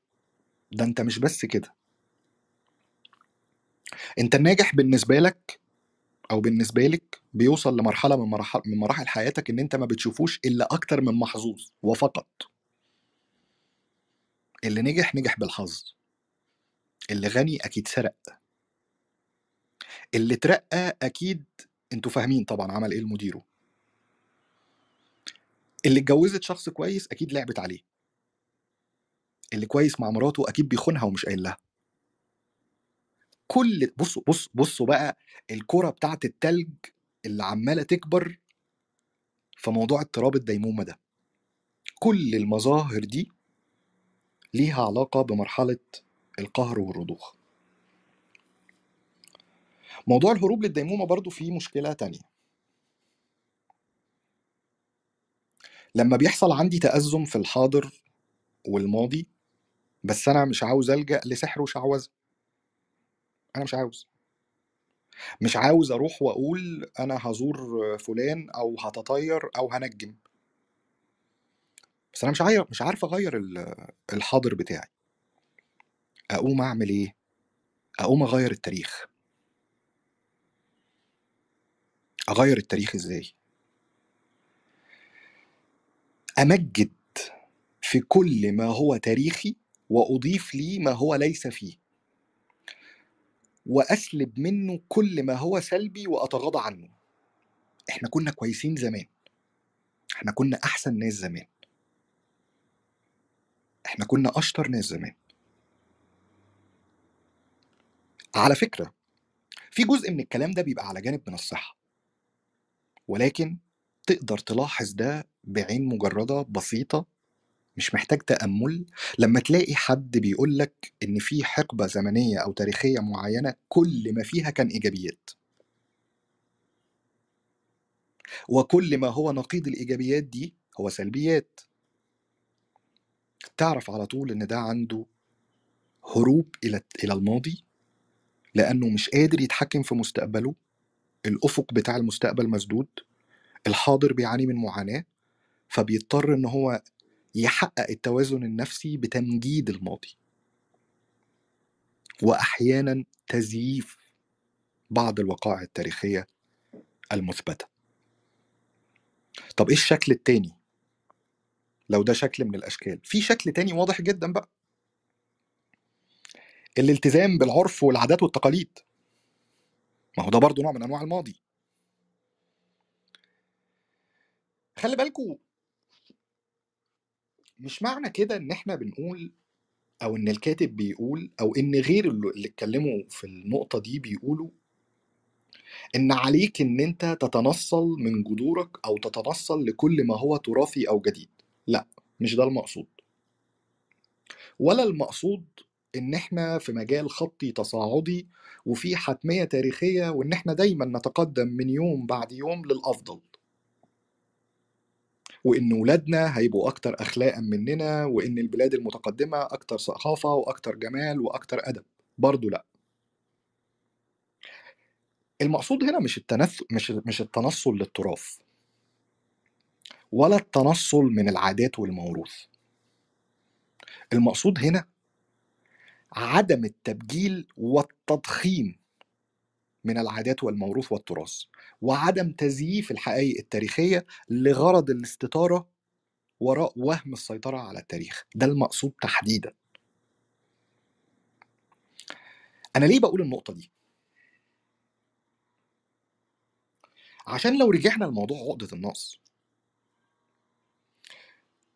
الاكتفاء إحنا قلنا حاجتين قلنا الاكتفاء على الذات والحاجة التانية أيوة الله ينور عليكم. موضوع التحكم في المصير. قلنا إن الاتنين دول هما من الأساليب الدفاعية اللي بيستخدمها الشخصية المقهورة عشان تتغلب على عقدة النقص اللي عنده. لما جينا اتكلمنا عن الاكتفاء على الذات قلنا إيه؟ قلنا إن الطفل بيبطل يلعب مع أخوه إن الحبيب بيبطل يخش علاقات إن الفاشل. بيبطل يدور على شغل وهكذا تواليك وإن ال- اللي بيخسر كتير فلوس بيلجأ للزهد أو ادعاء الزهد في موضوع المال حد فيكم فكر إن ده معناه إن أنا هتنصل من جماعتي؟ فاكرين لما قلت لكم أنا شايف إن أنا غلطان وشايف إن اللي حواليا غلطانين كمان؟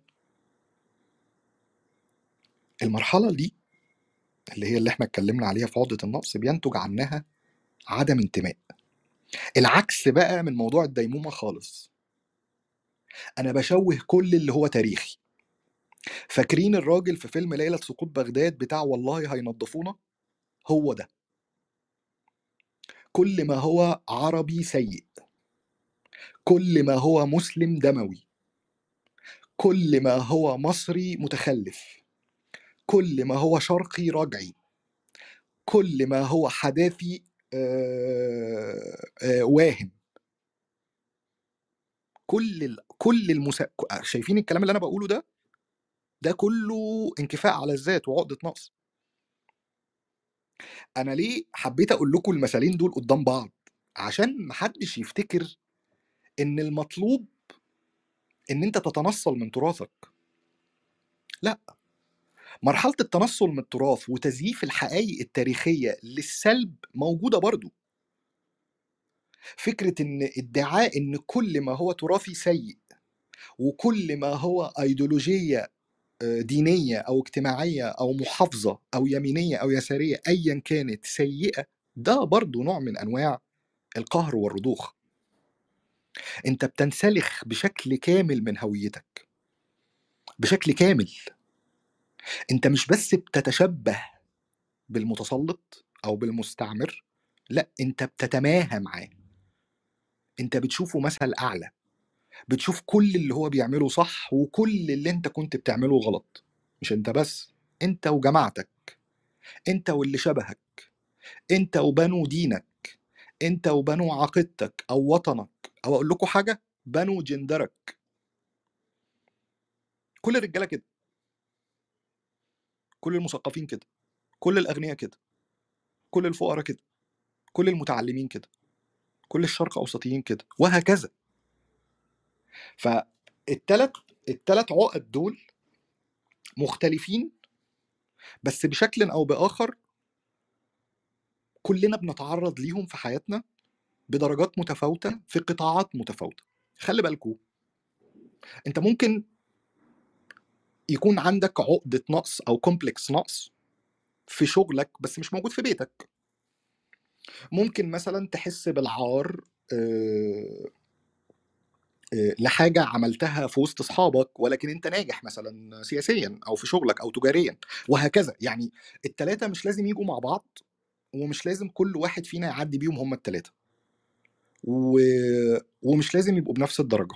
إحنا اتفقنا في الأول إن إحنا بنتعامل مع مرض المرض ده لما بيصيب أفراد أو مجتمعات درجة الدمج اللي بتحصل في أي مجتمع زي الأمراض العضوية بالظبط. أنا لما يجي لي فيروس أو لما يجي لي infection درجة تعامل جسمي مع ال infection ده بتختلف عن درجة تعامل نووي بتختلف عن درجة تعامل آه، أحمد حسام آه، محمد آه، سلمى ايا كان. كل واحد فينا بيتفاعل مع المرض ده بشكل أو بآخر. ليه؟ لعوامل كتيرة جدا. فاكرين لما كنت بقول إن السبب مش سبب واحد والنتيجة مش نتيجة واحدة وإن هي عوامل مختلفة وعوامل ليها علاقة بالحاضر والمستقبل نفس الكلام. فنفس الفكرة في مرحلة القهر والرضوخ. خلصنا مرحلة القهر والرضوخ معلش أنا طولت فيها شوية بس هي أصلا هي أطول مرحلة. يعني إيه أطول مرحلة؟ مش أطول مرحلة في الكتاب لأ. هي أطول هي أطول مرحلة زمنيا. يعني يعني لو قلنا إن كده كده هنعدي على كل المراحل أو في شخص بيعدي على كل المراحل فأطول مرحلة بتاخد وقت هي مرحلة ال- النقص أو الإحساس الطويل بالذنب مع العار مع الديمومة اللي ما تسمى بمرحلة القهر والرضوخ أو اللي زي ما قال عليها نووي في الأول الكسل أو اليأس أو اللامبالاة. طيب نروح بعد كده بقى لمرحلة الاضطهاد. مرحلة الاضطهاد إحنا قلنا إن هم ثلاثة ها؟ عشان بس ما حدش سقط. قهر وجوع اضطهاد وبعد كده تمرد. مرحلة الاضطهاد إيه تقدروا تقولوا إنها ال advanced level بتاع المرحلة بتاعة النقص والعار. أنت مش بس بقيت بتتنصل من الجماعة لأ أنت بقيت عدواني كمان. خلي بالكوا إحنا بدأنا في الأول بإن أنا وحش وهم وحشين. وإن اللي فوق ده هو اللي صح المدير ده هو اللي صح وأنا وزمايلي نستاهل اللي يحصل فينا. وبعد كده اتنقلت لأنا كويس ومديري كويس بس هم وحشين. ولازم ما بقاش موجود معاهم. ولازم كل اللي يعملوه يبقى غلط. هنا أنا اتنقلت لحاجة تالتة. أنا كويس ومديري كويس خدوا بالكم بقى وبروح أقول لمديري ده هم لازم يترفدوا عشان الشركة دي تمشي. نقلة أهي. أنا بدأت آخد اكشن أنا مش بس إيه بقى عندي قهر وعقدة ذنب زيفتها. ومش بس مجدت في مديري ومش بس تنصلت الاصلي لا ده أنا خدت خطوة كمان. إن أنا رحت تبرعت وقلت لمديري خلي بالك الناس دي عايزة توقعك. وأنا خايف على مصلحتك وبقول لك الشركة دي عشان تقوم الناس دي لازم تمشي. عدوانية. انت بتبدأ تعتدي بقى. ومش المقصود هنا العنف لأن العنف جاي قدام. أنا هنا قصدي العدوانية. انت بتبقى مرعوب من إن أنت تشعر بالذنب. فكل اللي بتعمله إن أنت مش بس بتتنصل أنت كمان بتت... بتتخلص من رؤية الآخرين الآخرين دول اللي هم المفروض معاك وبتدينهم وبتلقي باللوم عليهم وبعد كل ده بتحط حباية الكريز الأخرانية إيه هي إن أنت بتبرر الاعتداء ده كمان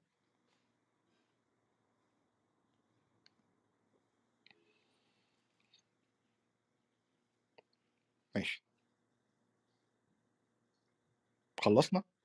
لا قول لنا يا عم إسلام طيب ده اسمه إيه في الأساليب الدفاعية؟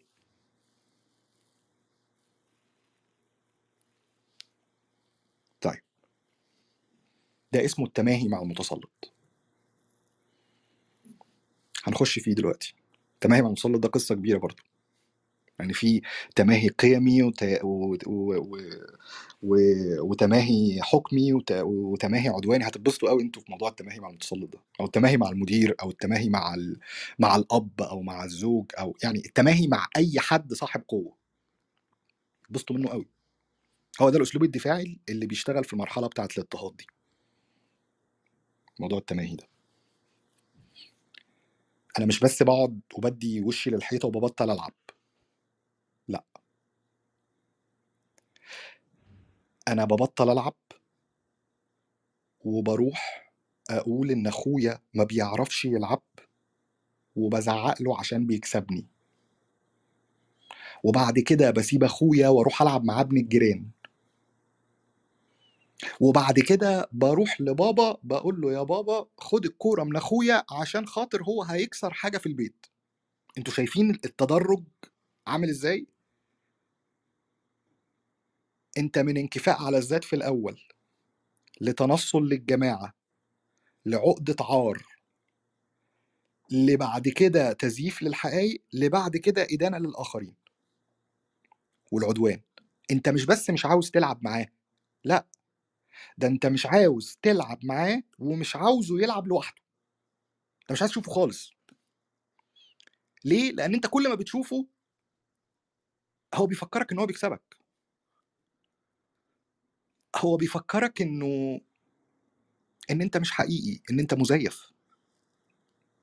فبتلجأ بشكل لا واعي إن أنت بعد ما بتتنصل بيه ليه وبعد ما بتبعده عن دوائرك وبعد ما بتاخد اوبشن تاني أو بتلاقي بديل تاني إن أنت تلعب معاه أنت بتبدأ بعد كده إن أنت تحاول كمان تمنعه آه، من اللعب. طيب المرحلة الأخيرة هي مرحلة التمرد. دي اللي هنتكلم عليها قدام. آه، دي بقى عكس ال- المرحلة الأولى خالص. فاكرين النقص؟ بيتحول لاستعلاء. بدل ما كنت حاسس إن أنا عندي ذنب وناقص وفاشل أنا قلت لكم إن النفس البشرية عشان تلاقي التوازن النفسي ما بتقدرش تستخدم نفس الأسلوب لمدة طويلة. بعد فترة معينة من توجيه اللوم للنفس والإحساس بالذنب عشان توصل لل... للاستقرار النفسي لابد من إن أنت تغير من التكنيك ده. على فكرة كل ده بيتم بشكل لا واعي. وهقول لكم كمان إيه اللي بيحفز ال process دي كلها اللي إحنا اتكلمنا عليها. بس بعد بس ما أخلص موضوع التمرد ده. قلنا بيلجأ للاضطهاد وبل بيلجأ للعار وبعد كده الديمومة وبعد كده إلقاء اللوم على الآخرين وبعد كده الاستعلاء. لا ده أنا ما خسرتش. ده أنا أحسن منه بس هو غشني. أنا ما بخسرش. أنا ما بغلطش. أنا أصلا أحسن من كل اللي حواليا. طب بالعجز العجز والاستلام والاستسلام واليأس وال... بيتحول للنقيض. إيه النقيض بتاعه؟ الجبروت. عارفين بتاعت يا أرض هدي ما عليكي قدي باين؟ هو ده. طيب انعدام المكانة وعدم الإحساس بال بالقيمة الذاتية بينقلب الاستثناءات. أنا استثنائي. اتكلمنا على الموضوع ده برضو في روم مارك مانسون أي حاجة بتحصل صح أنا السبب فيها. وأي حاجة بتحصل غلط الآخرين هم السبب فيها. الله. طيب إيه كمان في مرحلة التمرد دي؟ إيه الأساليب الدفاعية اللي بيستخدمها العقل اللاواعي المقهور في مرحلة التمرد؟ غير الاستعلاء والجبروت والاستثناء. قول لنا كده إيه كمان؟ العنف. والعنف هنا مش مقصود بيه العنف الجسدي مش مقصود بيه الضرب. لا يا ريت. مقصود بيه ما هو بيند ده. تخريب الممتلكات العامة. ده عنف. ولما أقول تخريب الممتلكات العامة هنا مش قصدي إن أنت تروح تحرق. لا مجرد إن أنت ما تحافظش على نظافة المكان اللي أنت فيه. مجرد إن أنت يجيلك إحساس إن أنت ممكن ترمي أي حاجة في الشارع في أي وقت. ده عنف. ده شكل من أشكال العنف. الكذب والنصب والاحتيال. عنف. السرقة. عنف. آه، الاستباحة. استباحة الأفكار استباحة الأشخاص استباحة الأرواح. كل دي طرق مباشرة بنعبر بيها بشكل أو بآخر تحت ما يسمى بالعنف. الرشوة عنف. الطائفية عنف. حتى الكسل. حتى الكسل في العمل عن قصد عنف. كام مرة شفنا ناس شغلها بسيط جدا وتملك من ال qualifications ومن ال capabilities إنها تقوم بالشغل ده على على مستوى راقي جدا. بس ما بتعملش ده. ليه؟ مش عاوزة. مش عاوزة تقدم أي شيء إيجابي. مش بس مش عاوزه تقدم أي شيء إيجابي وهو انكفاء على الذات لأ ده ممكن تعيق لك كمان عجلة إنتاج. فاكرين لما كانوا بيقولوا فيه في أي team negative person ال negative vibes ده عنف. هي دي الأدوات الدفاعية اللي بتستخدم في مرحلة التمرد. هتلاقي في عنف في البيت عنف في التربية. عنف في التعليم عنف في الشارع عنف في المدرسة. وهرجع وأقول تاني مش العنف اللي بيجي في أذهاننا على طول أول ما بنقول الثلاث عر... الثلاث حروف دول العين والنون والفه مش الضرب ولا حتى الشتيمة لأ. مجرد إن أنت تستبيح اللي قدامك في مشاعره تستبيح في إن أنت تنصب عليه تستبيحه في إن أنت تسرقه أو تظلمه. خلي بالكوا موضوع العنف والقهر التسلطي ده دايما بيبقى ليه طرفين. يعني علاقة القهر أو التسلط دايما ليها طرفين. في واحد بيقهر وفي جهة مقهورة. في متسلط وفي متسلط عليه. في مستعمر وفي مستعمر. العلاقة دي وللأسف ما بتمشيش بشكل خطي ازدواجي كده رايح جاي للأسف أمال بتمشي إزاي؟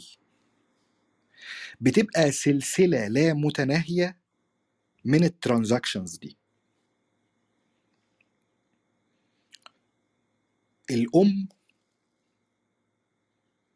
المعنفة الممارس عليها قهر المقهورة مقهورة من مين؟ من جوزها الكادح المقهور المقهور من مين؟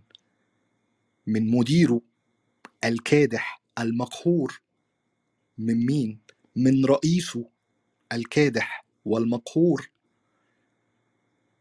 بتولد طفل الطفل ده بيتعرض لنوع من أنواع الابتزاز العاطفي الأموي حب الامتلاك والسيطرة اللي بيكون عند الأم أكتر من الأب. مش عشان الأمهات وحشين لأ عشان الأمهات بيعانوا من قهر أعلى.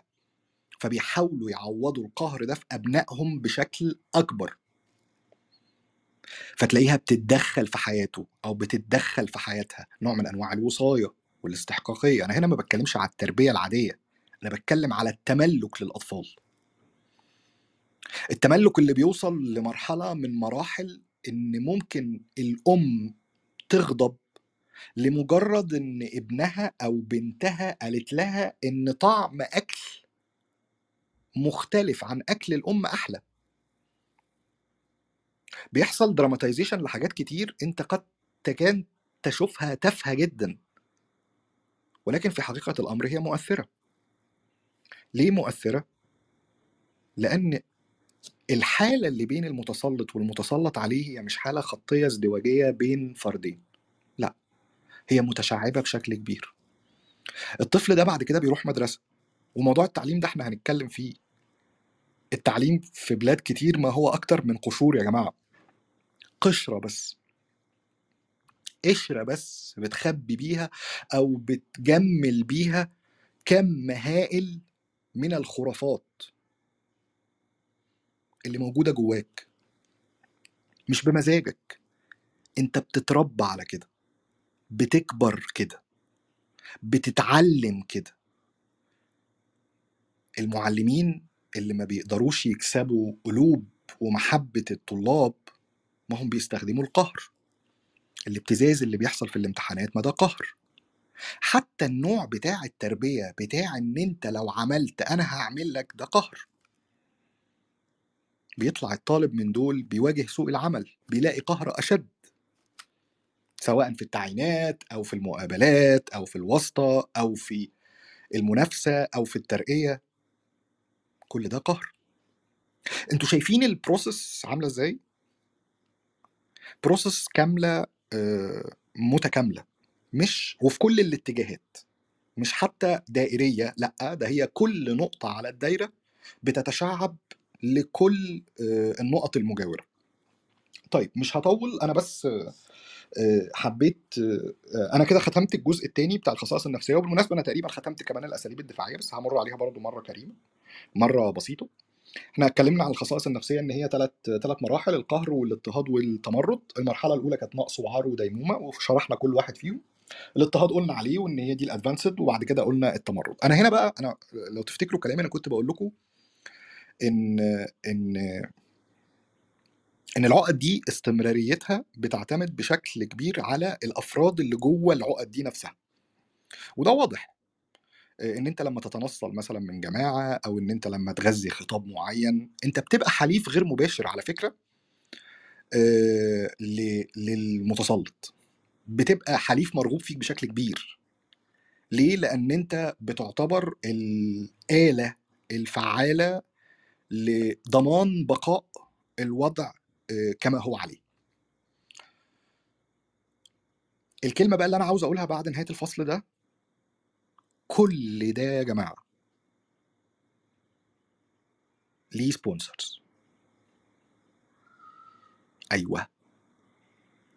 ليه سبونسرز الكلام ده كله ليه رعاة. رعاة داخليين ورعاة خارجيين. الكلام ده ما بيحصلش اعتباطا. ما بيحصلش آه، كده بعشوائية لأ. الكلام ده بيحصل لأن في جهات عديدة مستفيدة من بقاء الوضع بالشكل ده بكل المراحل بكل العقد. سواء الجهات دي كانت جوه المنظومة نفسها أو بره المنظومة كلها بره المنظومة نفسها. ودي كانت آخر جملة كنت عاوز أقولها آه، في الفصل ده. طيب إحنا كده خلصنا الخصائص النفسية. ال- الجزء الثالث في الموضوع همر عليه برضو لأن هو جزء مهم الخصائص ال- ال- العقلية. آه، طيب. الخصائص العقلية فيهم ثلاث نقط آه، الحقيقة الثلاثه مهمين الحقيقة يعني. أقول إيه؟ طيب أول حاجة موضوع آه، موضوع لا منهجية التفكير. ما أظنش إن حد فيكم ممكن يتوقع من كل العشوائية دي إن يبقى عندنا منهج واضح للتفكير أو منهجية للتفكير. لا.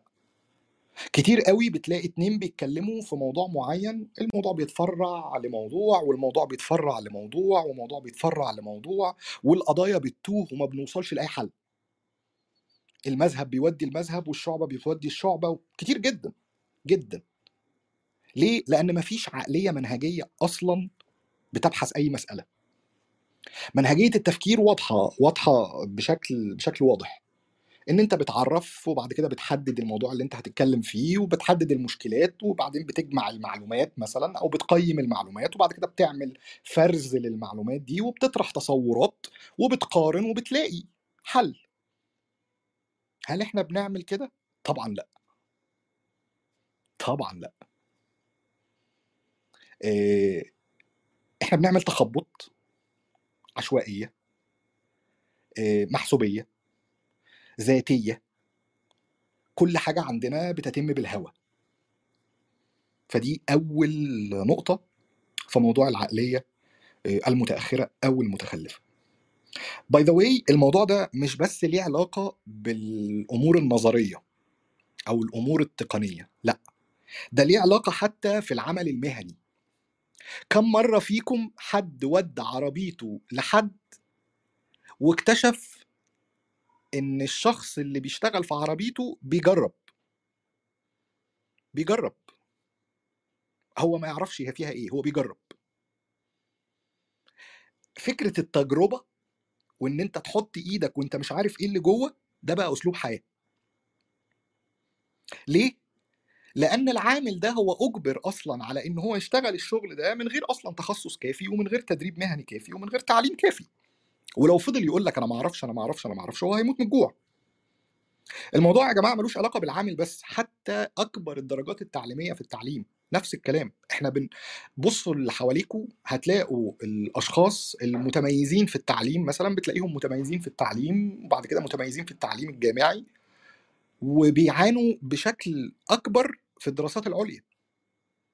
بتلاقي دايما الدراسات العليا عائق بشكل كبير حتى لو الطالب معروف عنه الكفاءة والتطور والاجتهاد في مساره التعليمي. طب ليه؟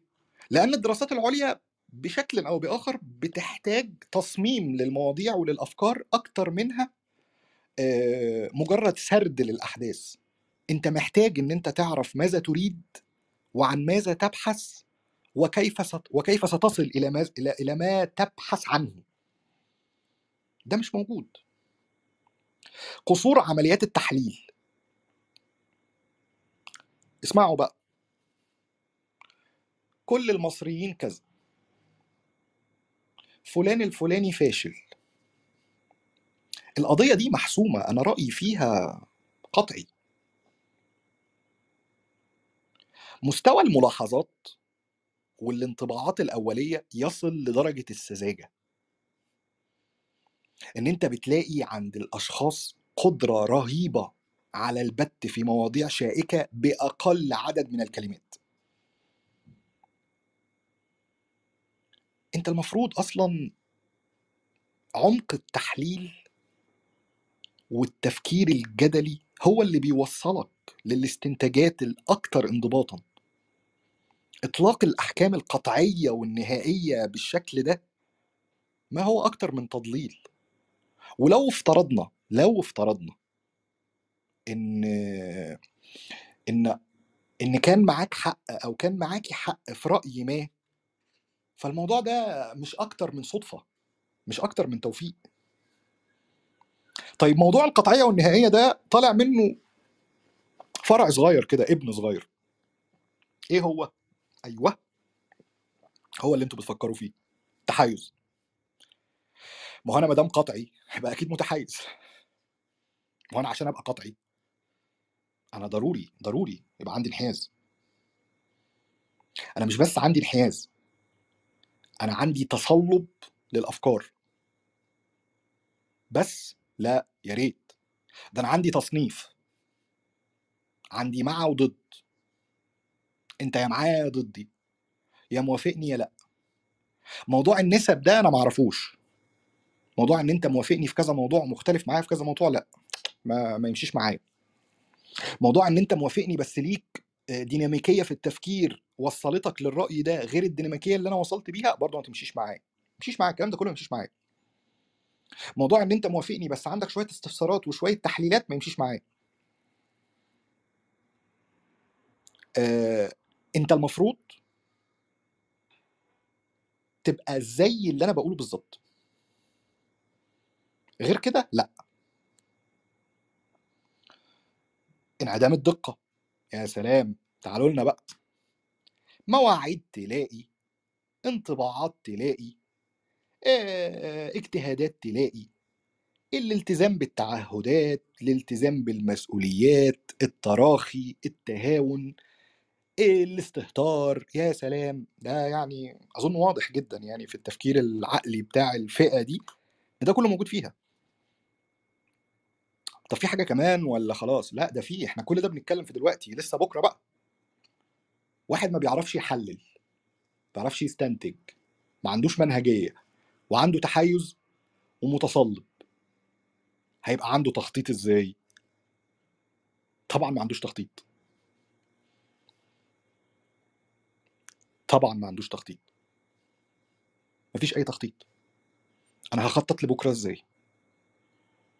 هخطط لإدارة أي أزمة أو حتى لإدارة أي حوار إزاي؟ إذا ما كانش في في دماغي إلا فكرة واحدة ويا ريتها حتى فكرة واحدة بمسارات متعددة. ده هي فكرة واحدة بمسار واحد. مفيش غيره. كفاية بقى يا عم إسلام. لا بس آخر حتة. اللي بيفكر تفكير أحادي واللي عنده قطعية واللي عنده تحيز هو مش بس عاجز عن عن الحوار أو النقد أو التفكير أو الاستنتاج أو أو التخطيط. ده عاجز عن ما هو أهم من كل ده ألا وهو الشمول. إيه يا عم؟ إيه إيه الشمول دي؟ إيه عاجز عن الشمول دي؟ أقول لك. لما أكون أنا والبيدي أصدقاء مثلا. اختلفت معاه في راي أنا مش بس هصنفه من الأعداء ولا همنعه من إن هو يختلف ولا هحكم عليه إن هو خاطئ ولا همنعه من إنه يسأل أسئلة أو تساؤلات لأ. ده أنا هعمل ما هو بيند ده. إن أنا هنسى إن أنا وهو متفقين في 150 حاجة تانية. فالكونتريبيوشن بتاع المشكلة اللي بيني وبينه بدل ما هتبقى واحد على 150 هتبقى واحد على خمسة أنتوا شايفين مأساة الشمول عاملة إزاي؟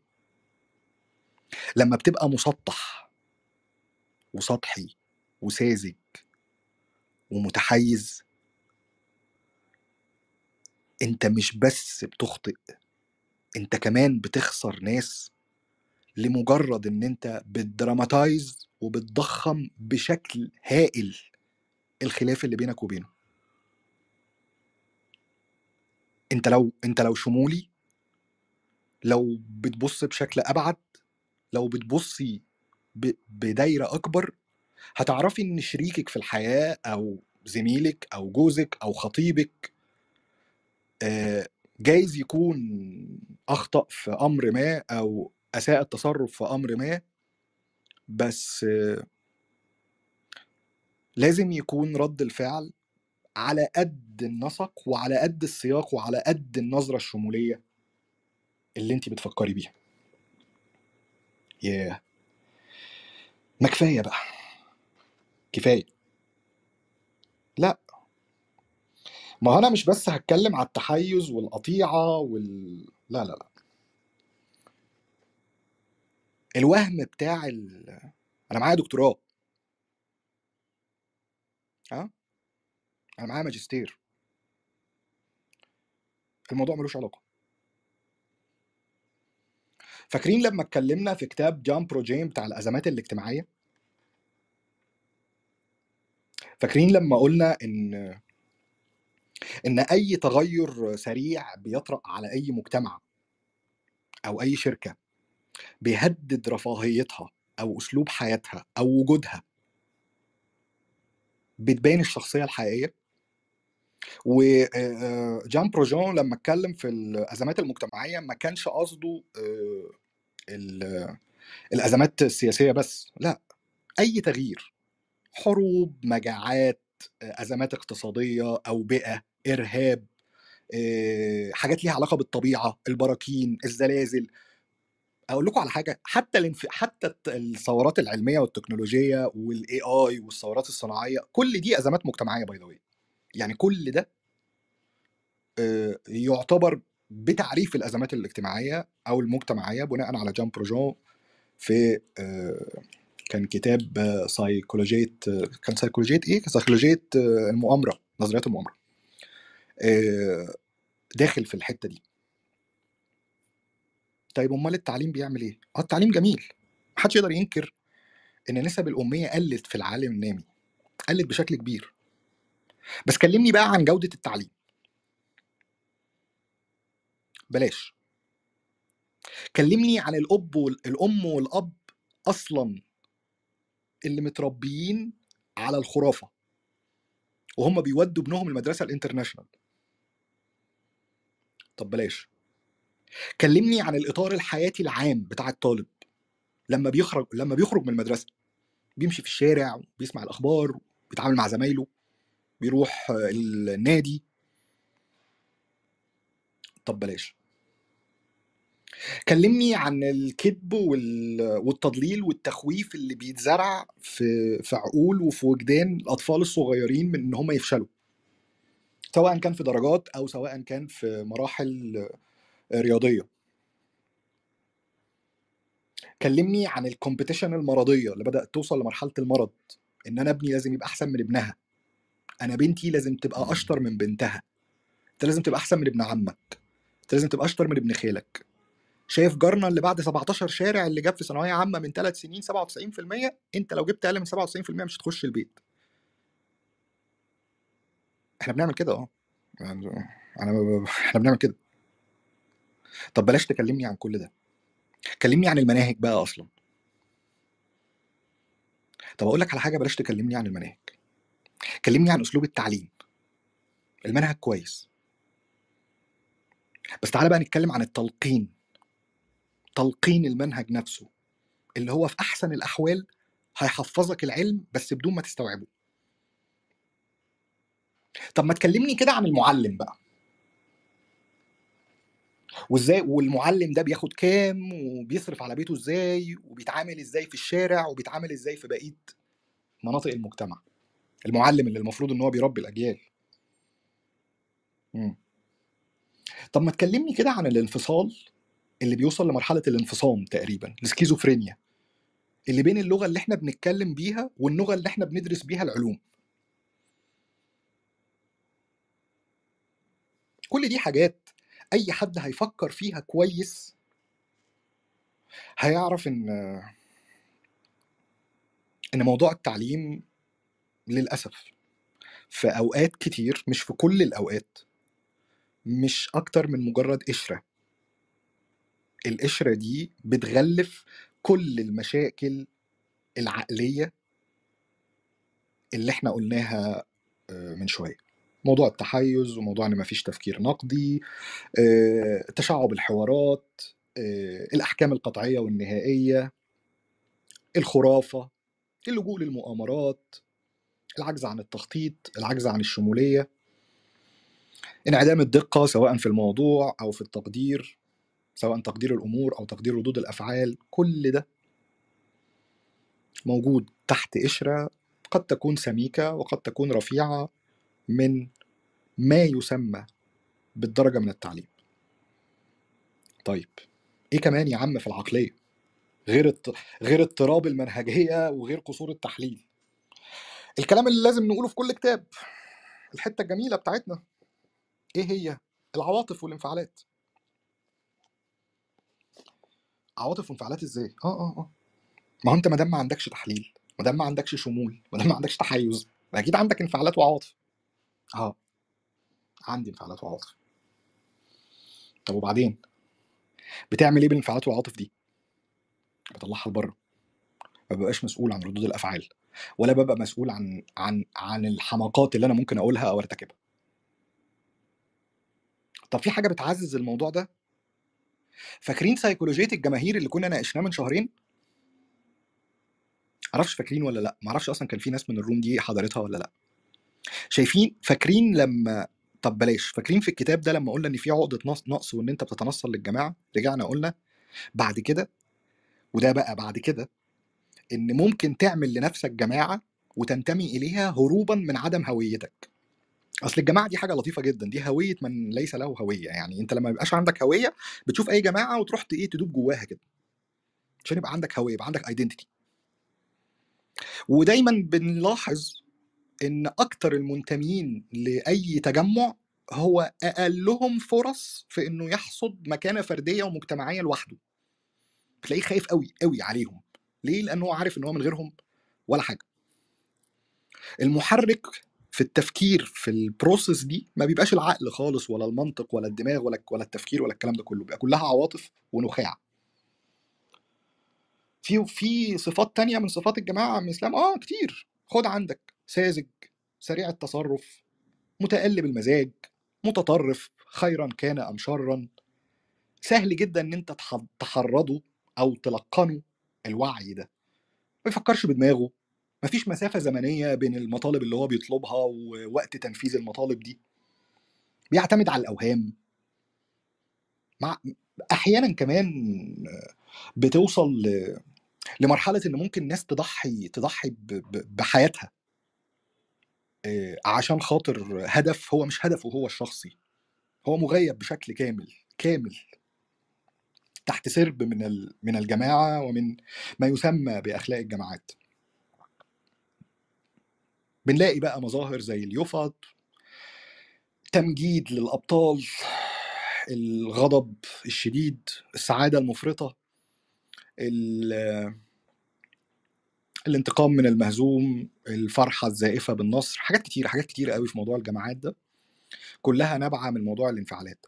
عدم تحمل المسؤولية طبعا. أنت عارف كويس إن أنت لما بتكون في وسط جماعة كبيرة ما بيبقاش عندك أصلا خوف من المسؤولية الأفعال. أنت عارف كويس إن أنت مستخبي في وسط ناس كتير قوي والمثل الشهير اللي إحنا دايما بنقوله وناس كتير بتفهمه موضوع مدرجات الكورة.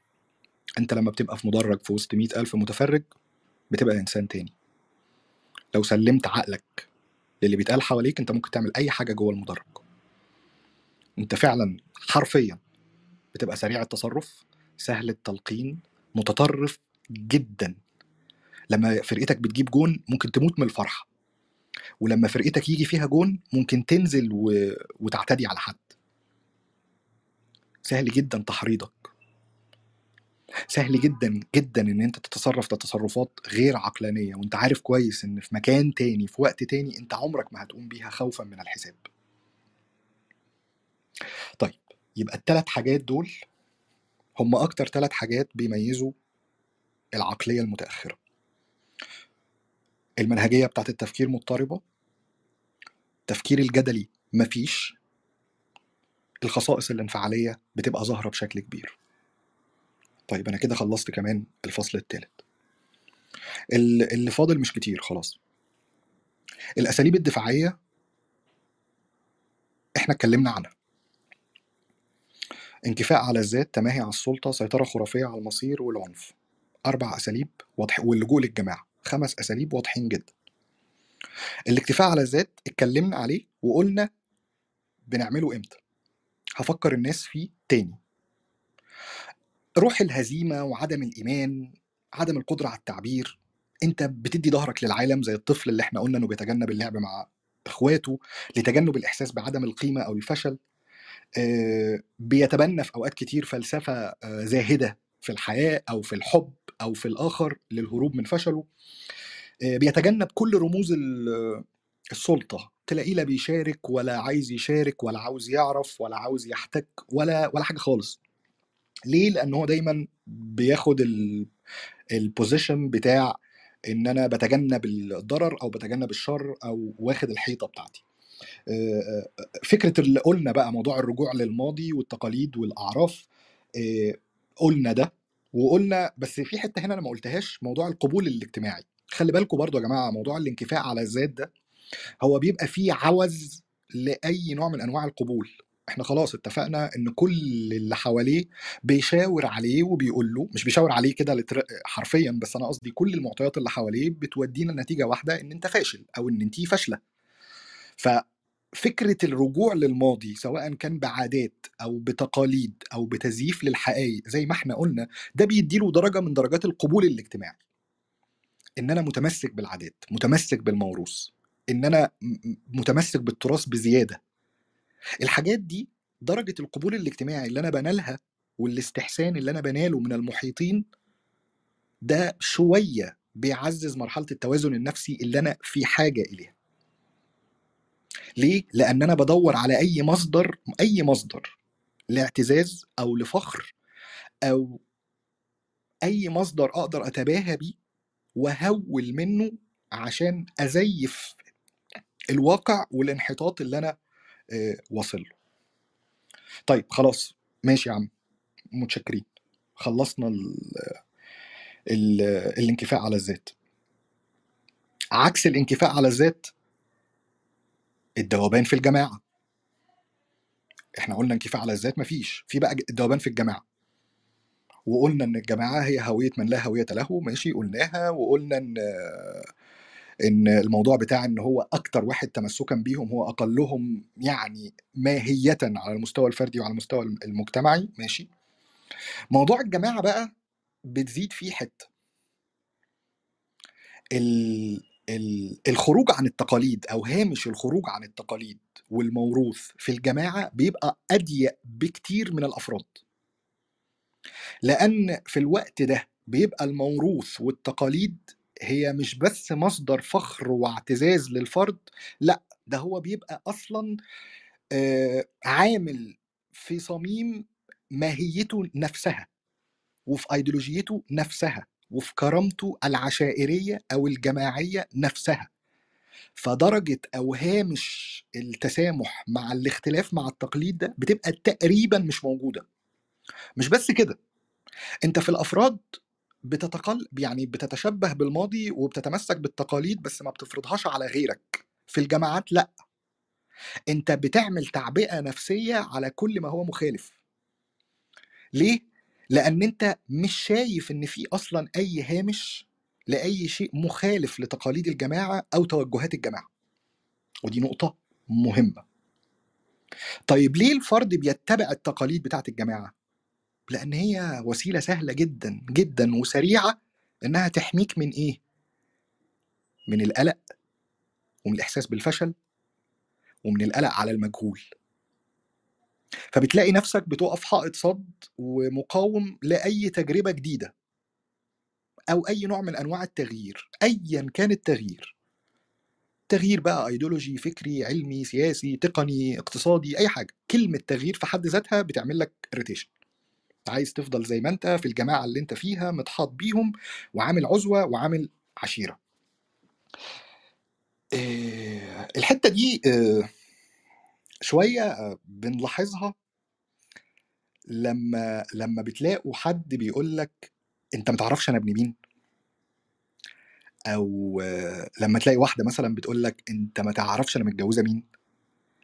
ده نوع من أنواع التكتل الجماعي بس على شكل أسر وعشائر. بيتشاف برضه في المجتمعات الحالية بدرجة من الدرجات. بشكل واضح. بس مش هو ده طبعا اللي الناس اتكلمت عليه ولا هو ده اللي فيه المواصفات المواصفات التانية. طيب موضوع التماهي بالمتسلط وده موضوع مهم. مهم مهم. ودي. ده الأسلوب ده أسلوب دفاعي بيستخدم بشكل بشكل كبير. سريعا إيه الفرق بين التماهي والمحاكاة أو التشبه؟ أنا قلتها في الأول بس هقولها تاني. انت لما تحب تشبه حد أو تعمل محاكاة لحد بيفضل في مسافة فاصلة كده بينك وبينه. بيفضل في مساحة للاختلاف والنقد والايدنتيتي اللي هي يعني الماهية أو الذاتية أو الشخصية. أقول لكم على حاجة حتى الغيرة أوقات بتبقى موجودة. أنت ممكن مع حبك الشديد لحد بس تغير منه. تحاول تحقق نفس النجاح بتاعه. ده مطلوب على فكرة. المحاكاة أو التشابه أو التشبه أو المقارنات دي مطلوبة في بعض الأوقات ودي عمليات واعيه يعني إيه؟ يعني إحنا بنختارها بوعينا. طب أمال إيه التماهي ده؟ التماهي ده عملية غير واعيه غير واعيه إزاي؟ أنت بتنسلخ أصلا بشكل جزئي طبعا ما ينفعش يكون بشكل كامل لأنه لو بشكل كامل يبقى أنت مريض يبقى ده مرض خلاص. لكن لو بشكل جزئي فالتماهي ده آه، أنت ذاتك بت- بتاخدها منه نجاحاتك بتاخدها منه. آه، ما بيبقاش عندك هوية خلاص. أي حد بيمسه فهو بيمسك أي حد بي بينقضه فهو بينقضك وهكذا. الماهية نفسها بتتضرب في مقتل. آه، أنت بتبقى عينه ذاته هو هو. سواء كان ده شخص أو فكرة أو ايديولوجية أو منهج آه، أو منهج سياسي. طيب أنواع التما- التماهي ده ليه أنواع؟ آه. ثلاث أنواع. أنت ممكن تتماهى مع الأحكام وممكن تتماهى مع العدوان وممكن تتماهى مع القيم. إيه يا عمك؟ أنا مش فاهم. طيب واحدة واحدة. التماهي مع الأحكام فاكرين آه، الانكفاء على الذات في الأول؟ أنت بتبالغ في تضخيم إيجابيات المتسلط أو المدير. أنت بتتماهى معاه بدرجة إن أنت بتتنصل من كل اللي حواليك زي ما قلنا وبتبالغ في حاجات كتير هو بيعملها أو بيقولها. بتقلل القيم الذاتية بتاعتك بيبقى عندك دونية ومشاعر بالذنب والفشل وبتخجل من الانتماء لأي موروث أو أي جماعة وبتلجأ إلى إن إحنا مقصرين وإحنا نستاهل طول الوقت. والنوع ده من أنواع التماهي بالأحكام بيبقى حليف غير مباشر للمدير أو لرب البيت أو رب الأسرة أو رب العمل. ده النوع الأول اللي هو التماهي بالأحكام. ده مش اختارهم by the way طيب في أحكام في بقى التماهي بالعدوان برضو قلناه في كلامنا. إن أنت بتبدأ تنسخ التصرفات اللي بتتعمل من حواليك. ليه بتنسخها؟ عشان تحمي نفسك منها. أنت شايف كل الناس مظلومة فبتعمل إيه؟ بتضطر إن أنت تظلم بعض الناس عشان تقلل الظلم اللي واقع عليك. آه، ده بتلاقوه قوي على فكرة كمثال واضح آه، الفتوات. الفتوات في الحواري الشعبية هو المثل الواضح لموضوع التماهي مع عدوان المتسلط. انت بتلاقيهم بيتنصلوا لجذورهم تماما بيوصلوا لمرحلة إن ممكن إن هم آه، الفتوات دول يعتدوا حتى على أهل بيتهم على أبوهم أو أمهم أو ولادهم أو زوجاتهم أو هكذا. ليه؟ لأن سلسلة الاستعباد والقهر والتسلط اللي إحنا اتفقنا عليها في الآخر لازم تلاقي لها مخرج ومنفذ أقدر أمارس فيه العدوان ده عشان أوصل للاستقرار النفسي. طيب ماشي. تالت حاجة دي الأخطر بقى. التماهي مع القيم بتاعة المتسلط. طيب أنا برضو قلتها في كلامي هعيد أقولها تاني. آه، بيتحول مع الوقت إن كل الحاجات اللي جاية لنا من الغرب هي الصح. وكل حاجة جاية لنا من الشرق غلط. أنت بتتماهى بشكل مظهري. عارفين الوجاهة الفارغة؟ أنت بتهدم أو بتحطم كل القيم الاجتماعية والحضارية اللي أنت متربي فيها. خلاص أنت ما عندكش معايير. ما عندكش مصالح. ما عندكش قيم.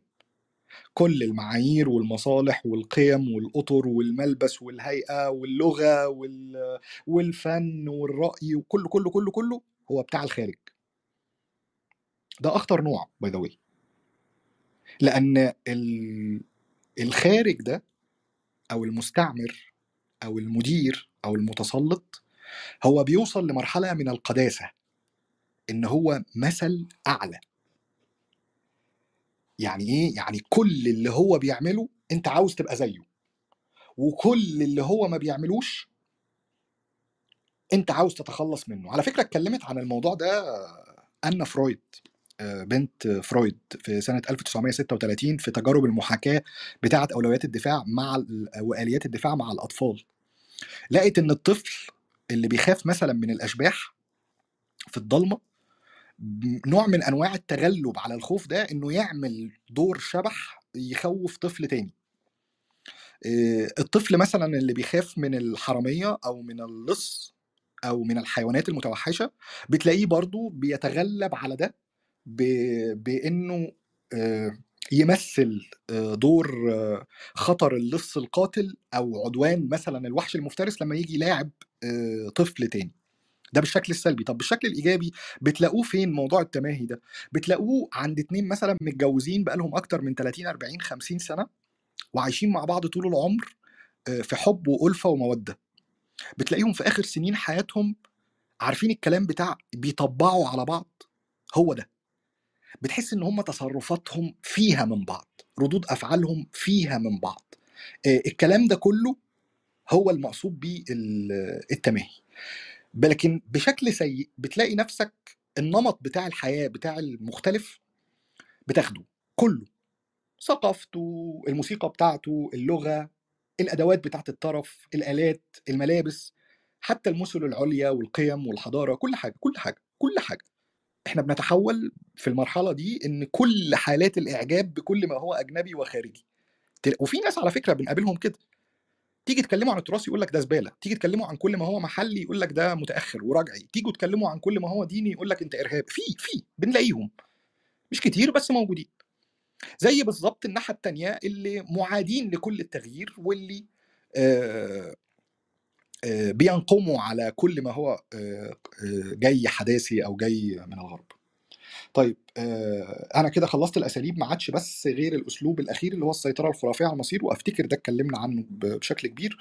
هقول بس نقطتين إن الموضوع مش بس ليه علاقة بالأعمال وكده لا لا لا أنت بتلاقي أولياء وبتلاقي كرامات وبتلاقي جن وعفاريت وحسد وسحر كل ده كل ده عشان تحس بس إن أنت متفوق على الآخر زي ما قلنا إن أنت عندك حاجة تتحسد عليها وفي نفس الوقت بيوفر لك آه، يعني ذريعة سهلة جدا لتوجيه الاتهام الاتهام للآخرين لو أنت فشلت في آه، في أي حاجة. فكرة السيطرة الخرافية على المصير إحنا اصلنا لها كويس في الجزء الأولاني أعتقد. آه، يهمني بس إن إن هنا الناس تعرف إن هو بيبقى مجموعة من الرموز يعني في رموز خير وفي رموز شر. الفكرة العامة إن إحنا بنحاول نتقرب من الرموز اللي بترمز للخير وبنبتعد عن أذى آه، بعض رموز الشر. هتلاقوها موجودة في الغراب الأسود في رقم 13 في بعض الأحلام. ناس بتتبشر بحاجة وبت... وبتقفل من حاجة. عارفين ال... ال... ال... ال... ال... ال... المنطقة دي؟ المنطقة اللي إحنا بنستبدل فيها أي سببية مادية بسببية غيبية. اللي هو آه لأ أصل أنا حاسس بكذا لأ أصل اليوم ده أنا ما بحب وهكذا. ده في الحاضر. في المستقبل قراءة الأحلام بقى الكف التطير التنجيم وده طبعا بيتوازى طرديا وأظن دي مش محتاجة يعني بس يعني أظن بديهية إن كل ما قل التخطيط وزادت المصادفة وزاد الحظ أكيد الحاجة إلى التطير بتزيد أنتوا لو شفتوا أكتر ناس بتهتم بالتنجيم وبتهتم بالتطير وبتهتم بالحظ والأرقام هي مين؟ أيوه بالظبط الناس بتلعب قمار ليه؟ لأن مفيش أي تخطيط فطبيعي إن هو يحاول عشان هو مش قادر يخطط ومش قادر يحلل إن هو يحاول إن هو يبقى عنده قدر من السيطرة على آه، على المستقبل. طبعا الكلام ده كله عليه بقى شوية كماليات. كماليات زي إيه؟ زي إن الكرامات والأولية دول في تجارة حواليها. الكرامات دول بتلاقيها بقعة أو بؤرة لتجمعات سكانية حواليها. وفي تجارة بتحصل وفي أعراف وفي تقاليد وفي موروث وفي في دنيا في الحتة اللي هناك دي. نفس نفس الكلام في موضوع التطير والتنجيم والعلماء ونفس الكلام. كل ده بزنس ف يعني الناس لازم تبقى تبقى مدركة إن موضوع الخدم والعلماء أو اللي بيسموا نفسهم علماء والأولياء والكلام ده كله وراه وراه وراه أداة اقتصادية كبيرة بتحاول تتقرب منه والدخول عليه واستمراره بشكل أو بآخر بشكل مباشر أو غير مباشر. طيب أنا كده خلصت ال- الجزء ده كمان موضوع الأساليب الدفاعية بتاعه ال- الاكتفاء على الذات والجماعات والتماهي مع المتسلط والتحكم في المصير. آخر جزء. وأتمنى إن أنا أكون ما طولتش. أنا بحاول والله على قد ما أقدر إن أنا يعني آه، أختصر. إيه الع... ال... إحنا قلنا اتكلمنا على موضوع موضوع العنف كمان. إيه آخر جزء اللي هو المرأة. طيب. موضوع المرأة آه، اتكلم فيه مصطفى حجازي بشكل بشكل مفصل. هحاول أستفيد من كل الشرح اللي إحنا اتكلمنا فيه. اولا مهم إن إحنا نعرف إن وضع المرأة في الطبقات الكادحة غير وضع المرأة في الطبقات المتوسطة غير وضع المرأة في الدرجات اللي بتملك قدر من الامتيازات أو الدرجات الممتازة. طبعا أنا كلامي هنا كله ملوش علاقة بالعموم أنا بتكلم على اللي اتقال في الكتاب والموست بروبابلي بيحصل. الكاتب قسم المعاناة أو القهر على حسب الطبقة اللي بتنتمي ليها هذه المرأة. وفسر أسباب آه، بعض المظاهر اللي بتنسب للمرأة. إزاي؟ فبعض المجتمعات معروف عن المرأة إنها منفعلة وإنها ما بتتحكمش في عواطفها أكتر من الراجل. طيب سيبوكوا من إن ده حقيقي ولا مش حقيقي.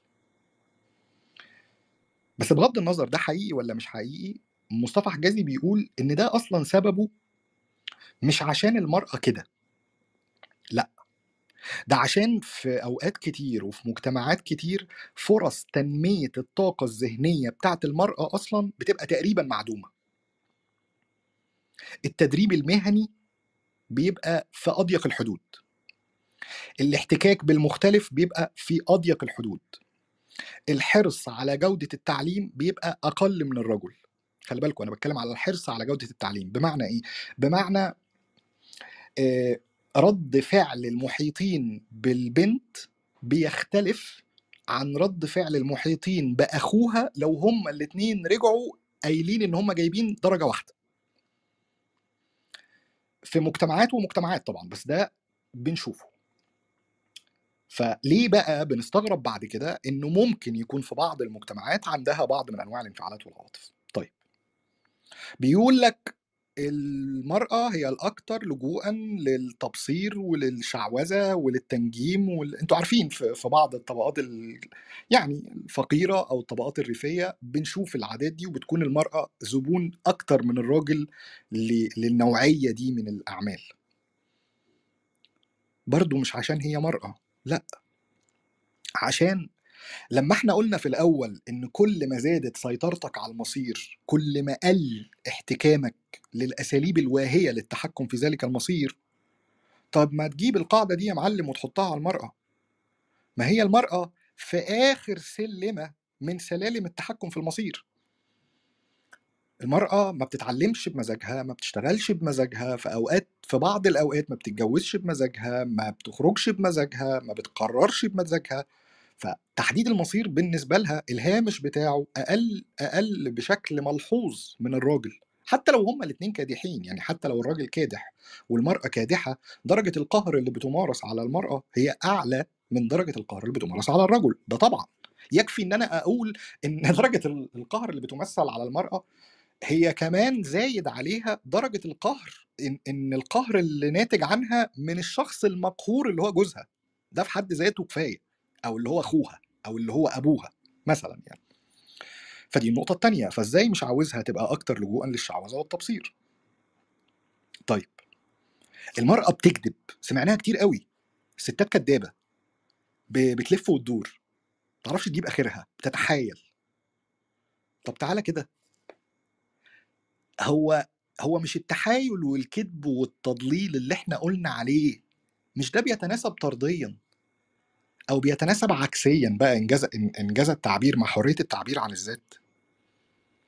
مش لو أنت عندك حرية إن أنت تقول رأيك هيبقى نسبة إن أنت تكذب وتضلل أقل. أمال أنت بتكذب ليه؟ ما أنت بتكذب عشان أنت مش عارف تتكلم. هو أنت بتخدع ليه؟ أنت بتخدع عشان أنت مش قادر تبرز مشاعرك الحقيقية. هو أنت بتجمل الصورة وبتنافق ليه؟ لأن أنت مفيش قدامك حل تاني. طب تعالى شيل نفسك بقى وحط المرأة. إذا كان أنت عندك حرية تعبير عن الذات 3 من عشرة بأي حال من الأحوال عايز تبقى المرأة حرية التعبير بتاعتها أكتر من 3 من عشرة؟ Definitely هي أقل من 3 من عشرة. فطبيعي برضو إن قابلية استخدامها للأساليب بتاعت الاحتيال والابتزاز والكذب طبيعي تكون أعلى. يعني ما أنت عايزها تعمل إيه؟ يعني أنت لا عايزها تكذب ولا مخليها تقول الحقيقة. طب ما هي هتنسلخ تماما من هويتها وده بيحصل على فكرة حاجة اسمها الاستلاب العقائدي. هنقول دلوقتي. طيب وضعية المرأة برضو آه، فيها ما يقال بالتجاذب الوجداني وده أشد درجة من درجات التنافر المجتمعي. إزاي؟ إن المرأة زي ما هي الأم المعطاءة رمز الخير رمز الوفاء رمز الولادة رمز البنو الأمومة رمز الكرم.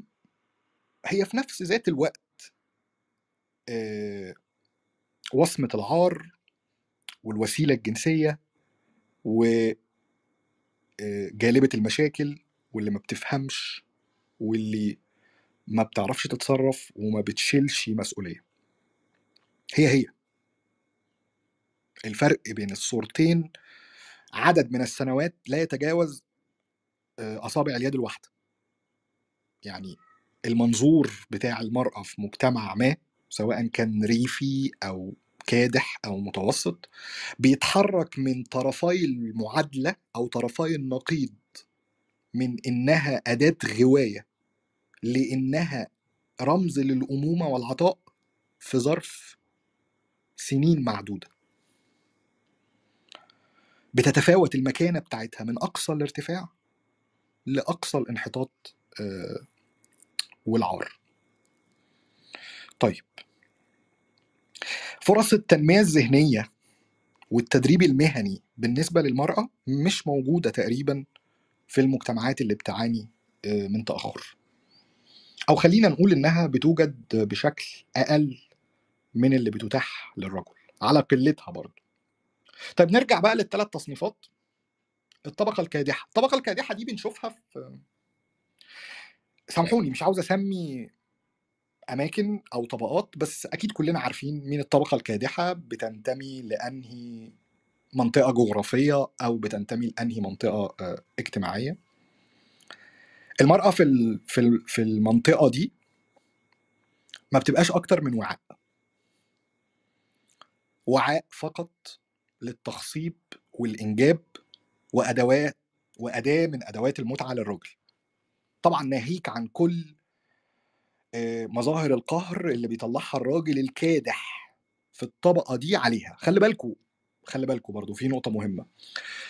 معنى إن أنا بتكلم عن طبقة كادحة إن راجل البيت غالبا بيبقى كادح.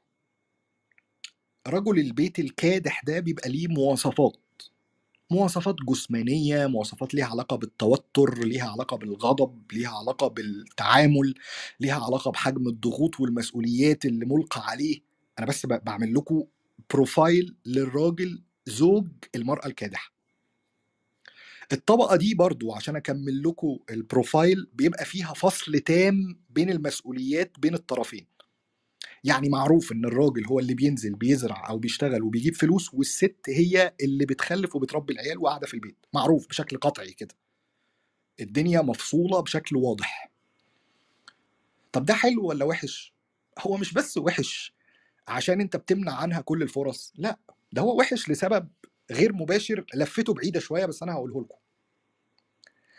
لما يبقى الراجل الكادح هو المسؤول الوحيد عن دخل الأسرة ونجاحها المادي خدوا بالكم. لما البيت ده يفشل ما ينفعش ما يبقاش هو مسؤول مسؤولية كاملة غير الطبقات المتوسطة. الطبقة الكادحة دي بالذات بيبقى فيه زي agreement كده في بداية الجواز إن الست قاعدة في البيت والراجل هو اللي بيشتغل وبيجيب فلوس. طيب البيت ما نجحش والراجل مش عارف يصرف على بيته زي ما دايما بيقولوا بيبقى الراجل هو المسؤول خلاص. ال- الكيس مقفولة. قفلة الكيس دي بتخلي الراجل يحس بفشله وبتخليه يمارس أكتر أساليب دفاعية ضد المرأة من امتهان ضرب معاملة سيئة ظلم قهر تسلط عشان خاطر يهرب من العقدة بتاعت الذنب دي. لأنها ملهاش حل تاني. ما هي أصلها هيقول إيه؟ هي لا بتصرف ولا بتعمل ولا هي فشلت في شغلها ولا أي حاجة. فدي برضو تركيبة حبيت برضو إن أنا أوضحها لكم. موضوع الطبقة الكادحة برضو بيبقى ليه علاقة بال... بالعلاقات بين العشائر والأسر. بمعنى إيه؟ إن الناس في بعض المجتمعات بتجامل بعض بالسيدات. إن أنا عايز أناسب العيلة الفلانية فاتجوز منها. أنا عاوز أتقرب من العشيرة الفلانية فيبقى في علاقة نسب فيحصل تزاوج. وهكذا. هو ده بي- بيبقى دور المرأة آه، في المرحلة دي أو في الطبقة دي. أزيدكم الشعر بيت بقى. المرأة من يوم ما بتتولد في الطبقة دي وبيبقى في حالات من حالات التذمر كده من المحيطين بيها. الحالة دي بتستمر كل ما بتكبر. أول ما بتظهر عليها أعراض الأنوثة أو ملامح الأنوثة حالة التذمر دي بتزيد أكتر. بتختفي شوية لما بتتجوز. وبتن وبتبدأ حالة ال... الخوف والشرف والمروءة والعار بدل ما هي لبيتها تروح بشكل أكبر لجوزها. و... ويا سلام بقى لو المرأة دي ما خلفتش. ده هنا بتبقى بقى يعني هي قيمتها كلها أصلا جاية من الإنجاب. ازيدكم الشعر بيت. ده في مجتمعات بتحكم على قيمة المرأة في الطبقات الكادحة بخلفة الرجالة. يعني لو خلفت بس خلفت بنات هي برضه ما تقدرش تبرز قيمتها كأنثى في المجتمع ده. وأول طبعا ما بتوصل لمرحلة ال- العجز أو ال- التعب الصحي أو النفسي في أغلب الوقت أو في أغلب الأمر بيتم استبدالها. أو على أحسن الظروف مجرد ركنها يعني. وهي بتبقى قانعة بشكل بشكل كبير. ده بالنسبة لإيه؟ لل... للطبقة الكادحة.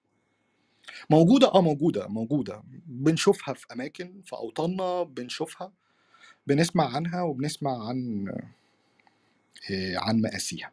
طيب الطبقة التانية اللي هي الطبقة المتوسطة. الطبقة المتوسطة هنا المقصود بيها اللي المرأة نالت قدر من التعليم. نالت قدر من. من الاحتكاك الخارجي آه، نالت قدر من المساواة والعدالة ولكن آه، دايما بتصطدم بنوع من أنواع التنافر بين قناعاتها ففي أوقات كتير المرأة في. في الطبقة المتوسطة الكلام على عقدة مصطفى حجازي بتخسر أنوثتها وما بتبقاش راجل بتفضل دايما متعلقة بين البنين. آه، بتطاردها دايما الأفكار بتاعه الاستقلالية والتطلع والنجاح بس بتصطدم باستلاب اقتصادي شديد شديد جدا. استلاب من نوع الباي جاب ما بتاخدش مصادر آه، مناصب قيادية ما بيتوفر لهاش تدريب مهني ما بيتعمل لهاش إعداد ما, بي... ما بتترقاش كل دي حاجات ليها علاقة بالاستلاب الاقتصادي للمرأة ملهاش علاقة بالأفراد. دي منظومة بقى يعني. الكاتب هنا عايز يقول إيه؟ إن لو كانت المرأة محظوظة في مجتمع معين وقدرت تحصل على شريك حياة من طبقة متوسطة برضو بيسمح لها أو بيوفر لها قدر من المساواة والعدالة والتعليم والإنتاجية والذاتية والإبداع هتصطدم برضو بالمنظومة كلها من حتت تانية. حتت بقى ليها علاقة بالإعداد المهني ليها علاقة بالفرص بتاعة الترقية ليها علاقة بغرز أصلا الثقة والمسؤولية جواها ليها علاقة بال بالإنتاجية بالتدريب بإنها ترشح لمناصب قيادية وهكذا. هتصطدم دايما دايما دايما بده. وده نوع من أنواع الاستلاب الاقتصادي. كويس إن إحنا اتكلمنا عليه بالمرة. آه، لأن ده من ثلاث أنواع مهمين اتقالوا في آخر الكتاب الاستلاب الاقتصادي والعقائدي والجنسي اللي بيمارس على المرأة. طيب ده بالنسبة للفئة المتوسطة. الفئة بقى ال- الممتازة أو الامتيازية أو الطبقة الراقية. آه، زي ما صنفها مصطفى حجازي الحقيقة قال برضو إنها بتتعرض لمظاهر من مظاهر الاستلاب آه، وبيبقى مظهر من مظاهر الاستلاب الجنسي بس مختلف شوية يعني الاستلاب الجنسي اللي بيحصل في حالات الطبقات الكادحة إن هي وعاء وإن هي أداة للتفريغ وأداة للولادة وأداة للجنس. وإن ذاتيتها كلها بتتمحور حوالين جسمها والعار والشرف والكلام ده كله في الطبقات الكادحة وإنها بتفقد حتى رونقها مع الكبر ومع العجز والكلام ده هو بشكل أسوأ ده في رأي مصطفى حجازي في الطبقات الممتازة. ليه؟ لأن بتتحول إلى أداة بقى بتتحول إلى دمية.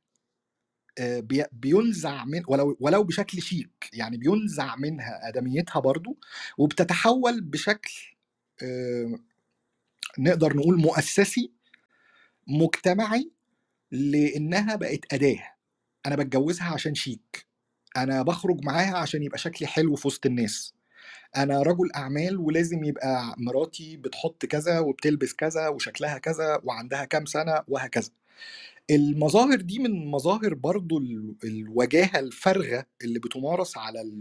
هنا الفتيات بقى لأن هم بيبقوا صغيرين في السن من قبل بعض الكبار السن اللي موجودين في المجتمع الذكوري بيعت- بيعتبر برضو نوع من أنواع الاستلاب الجنسي ولو انه هو بشكل مختلف شوية عن اللي موجود في الطبقات الكادحة.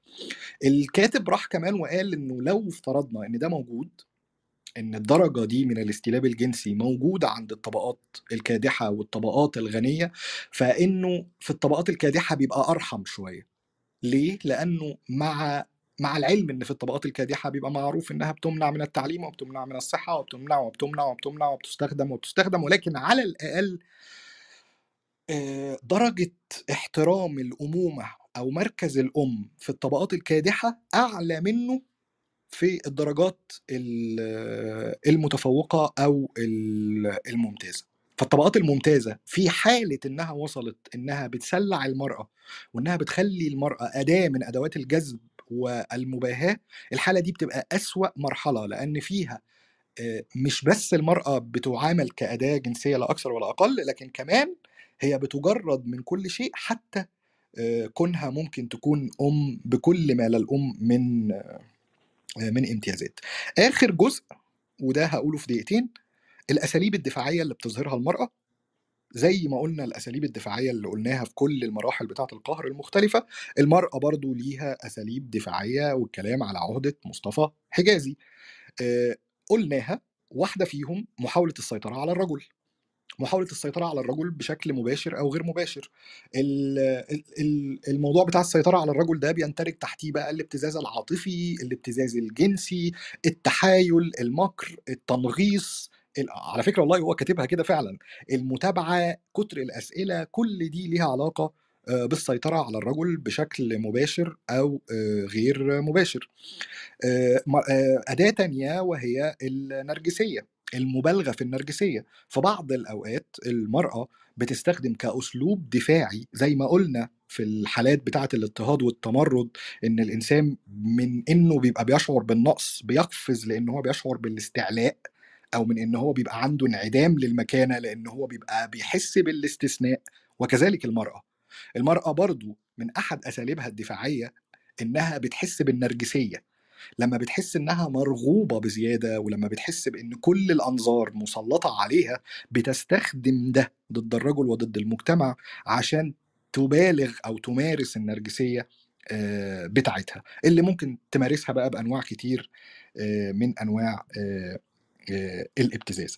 آه، الاختزالات من الحاجات برضو اللي المرأة بت بتهرب منها كأسلوب دفاعي. كلنا عندنا مش كلنا بعضنا بيفكر في المرأة كنوع من أنواع الأنماط المختزلة اللي بتصنف بشكل واضح. يعني في مرأة قاصر ما بتفهمش وما بتعرفش تفكر وما بتعرفش تاخد آه، مسؤوليات. في مرأة تانية اللي هي المرأة الخادم اللي بتخدم بس بيتها وعيالها وحياتها كلها عبارة عن تضحيات. في مرأة عاملة في مرأة آه، اللي بيقولوا عليها الأم والوجاهة اللي اتكلمنا آه، اللي اتكلمنا عليها.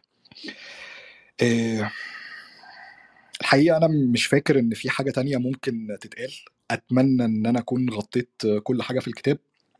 وأتمنى إن يكون مناقشة الكتاب المرة دي كانت مختلفة عن كل المناقشات السابقة ل- لكل من تطرق لكتاب سيكولوجية الإنسان المقهور.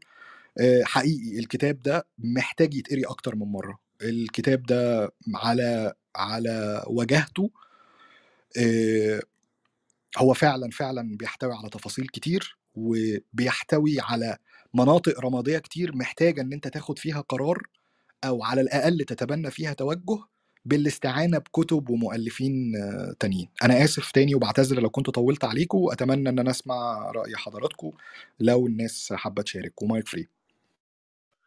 لا شكرا جدا يا إسلام بجد والله. لا مجهود رائع رائع رائع. أنت حتى لفيت خليتنا نلف وادور بس أنا هتكلم في نقطتين يعني يعني محددتين. في أول الكتاب وفي أول مناقشة أنت اتكلمت على المستعمر والمستعمر وكده. أنا في حتة كده بدرت في ذهني إن يعني طبعا التخلف اوجه عديدة وأسباب متعددة ف يعني أنا هتكلم بس على جزء الاستعمار بالتحديد. لأن في يعني يعني مفتاح سيكولوجي لجميع الشعوب المتخلفة يعني.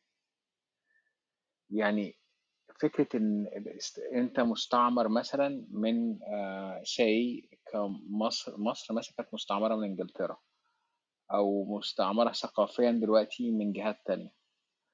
فدلوقتي أنت ال- الاستعمار ده الاستعمار العسكري ممكن يكون خرج من البلد physically بس هو ما خرجش منك أنت نف- نفسك. ما خرجش مننا لأن هو أساسا هو آه، آه، فرض فينا التبعية التبعية. فالتبعية دي آه، من غير التبعية آه، بيتطلب على الدوام إن أنت عايز لازم آه، تقلد المستعمر أو لازم أنت حاسس إن في حاجة ناقصة جواك عشان أنت ما وصلتش لمرحلة المستعمر. أو كما يعني النظرية الخلدونية القديمة اللي هي إيه؟ الضعيف والمنهزم آه، دايما بيحاول يقلد القوي والمنتصر. فممكن أو بيحاول يتماهى يعني عايز يوصل له. ممكن أفهمها في في الطريقة دي بالطريقة دي. الحاجة التانية وانت جبتها برضو أعتقد في الأول برضو إن لعبة ال- ال- الحاكم وتبقى الحاكم ده رئيس أو مدير في الشغل زي ما أنت ذكرت في الأول مش بتقتصر على ال ال ال أو المستبد يعني اللي هو بيقهر الناس ما بتقتصرش على مجرد الشخص ده نفسه. لأ بتلاقي الناس اللي بيمارس عليهم الاستبداد أو القهر بيندمجوا في اللعبة دي وبيجي لهم عدوى منها.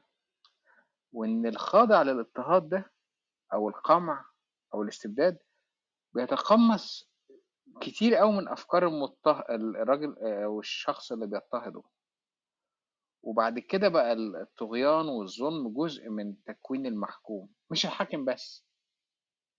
فهو بيوحد نفسه وبلده كرامته دينه مكانته مع شخصية الحاكم ده. فبيقدم أق- أقوى دعامة للاستبداد ده أو القمع أو الظلم والقهر اللي بيكتوي بيه يعني.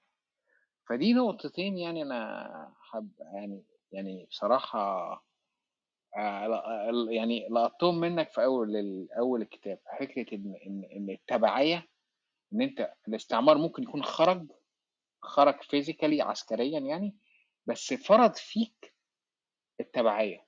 والتبعية دي إن أنت لازم تقلده. عشان تبقى يعني هتبقى مثلا إن هو خلاك آدميا أنت inferior. فأنت لازم توصل للمستعمر ده لازم توصل لازم تعمل زيه.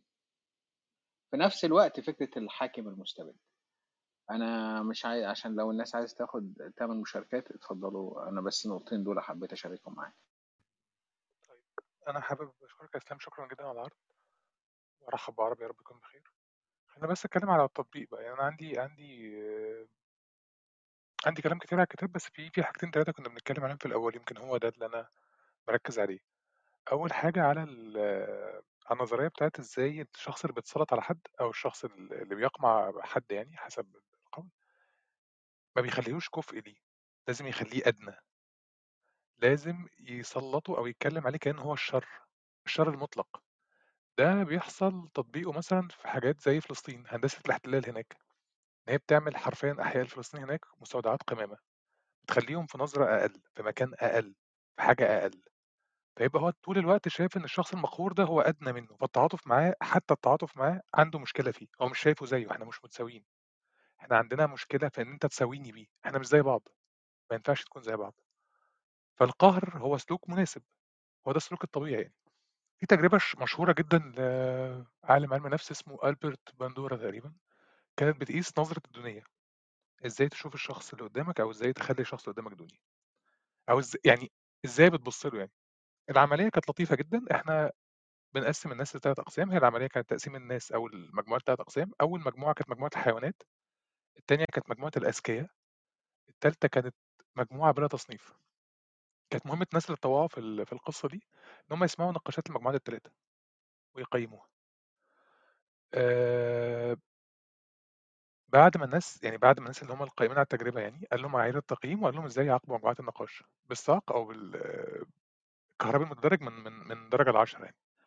تصنيفات لعبت دور حاسم في مقدار الصدمة. يعني مجموعة الحيوانات أنا باعتذر عن عن التعبير بس هو ده ده الاختبار كان بالاسم ده. نالت أقصى قدر من الصعق كيفًا وكمًا، مقارنة بالمجموعة الموحدة ومجموعة الأذكيا. مجموعة الأذكيا اللي اتقال إن هي مجموعة الأذكيا كانت أقل مجموعة تم تعرضها لأي شيء. ده بيفسر لك حاجات كتيرة جدًا.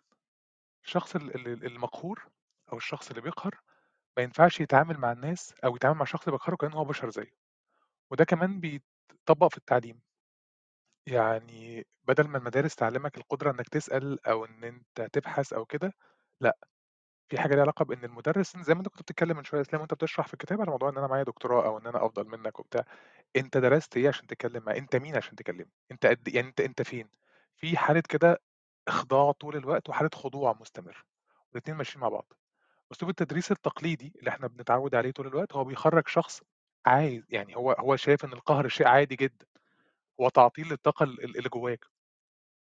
أنت بتطوّع الطالب، أنت عايز تخرّج حد ما يتعاملش مع أي حاجة غير إن هو يسمع كلامك، هيسمع كلام المدرس النهارده، هيسمع كلام المدير بُكرة، هيسمع كلام رئيس الجمهورية بعد بُكرة، هيسمع كلام ال الشخص الح هو ده، هو أنت عايز تخرّج حد كده، هي عملية أحادية ما بتخلّيش أي حاجة ليها علاقة لا بالتفكير النقدي ولا التفكير الجدلي، لأ خالص، هي متلازمة من التسلط والتخلُّف، طول الوقت ماشية بالطريقة دي، وهتفضل ماشية بالطريقة دي، حلقة ما بتتكسرش.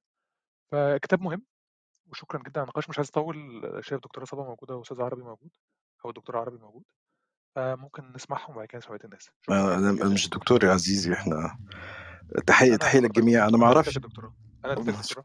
طب مشكور يعني يا ما ما يعني ما هو أنا مش مش مش مش moderator وفاتح room ينفع أقول أنا- دكتوراه عادي؟ ما حدش لا فاتح يعني. براحتك. خلاص تمام. أوكي خلاص. اتفضل عربي أخبارك إيه منور حبيبي. مشكور. مشكور مشكور جدا يا إسلام. بصراحة أسلوب أسلوبك في ال... يعني أنت حكاء وأسلوبك في ال... في الطرح رائع وبيشد. وأنا ما ما يعني ما حصليش شرف إن أحضر الروم من أولها لكن واضح إنك اتكلمت عن جزئية الاستعمار لأنه أنا أذكر الكتاب ده تقريبا كان في الخمسينات وأنت صحح لي. أول اطلاعي حتى على واحد على واحد و- واحد وثمانين إزيك صديقي عربي الأول؟ منورنا والله. إزيك إزيك يا عزيزي. تمام. أنا أول اطلاعي على على اسم فرانس فانون تقريبا كان في الكتاب عن سيكولوجية ال ال ال ال الإنسان المضطهد في الاستعمار أو كذا وهو كان في في سياق دراسات التنمية إذا أنا ما كنتش مخطئ. يعني مظبوط مظبوط الكتاب مظبوط آه مظبوط.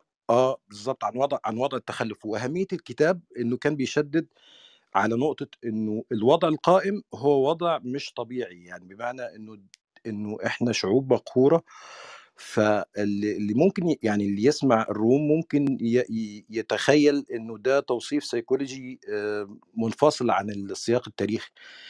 بس إن دي نقطة كنت عايز أركز عليها لأنه التركيز على إنه الدراسة بشكل أو بآخر بتتكلم عن ال- ال- المجتمعات ككل مقهوره والأفراد مقهورين نتيجة آه، ظروف تاريخية ونتيجة أيضا آه، قهر خارجي. وطبعا ده لا ينفي إن الاستبداد موجود تاريخيا حتى من قبل الاستعمار. ولكن آه، التصور اللي عنده فكرة الاعتباط القهر أو بمنطق إنه آم، يعني اعتباط الطبيعة بيتحول لاعتباط القهر حاجة زي كده. إنه أنت مش قادر تتحكم ب... ب... ب... بمواردك أو ب... ب... ب... بالطبيعة. لذلك هو كان بيتكلم عن عن كيفية الخروج من من حالة التخلف بيتكلم عن دراسات للتنمية في في هذا السياق. لأنه في كان النصر حامد أبو زيد كان له مقالة في التسعينات في أحد في المجلات مجلة القاهرة تقريبا كان بيتكلم عن تنمية الثقافة أو ثقافة التنمية أو تنمية التخلف أو وتخلف التنمية حاجة زي كده.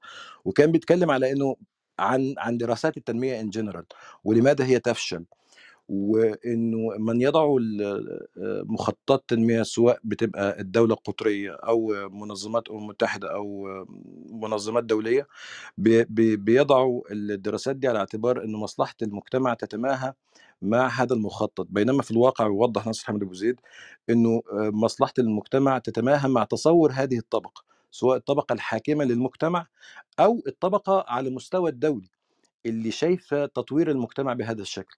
ومن هنا خطورة كمان دراسات التنمية لأنه تقريبا أربع أو خمس سنوات من من من مقالة ناصر حامد أبو زيد. كان في آه، آه، اسكوبار كان له كتاب اسمه أنت encountering متأكد أنت متأكد يا عربي إن أنت ما حضرتش ال room من أولها؟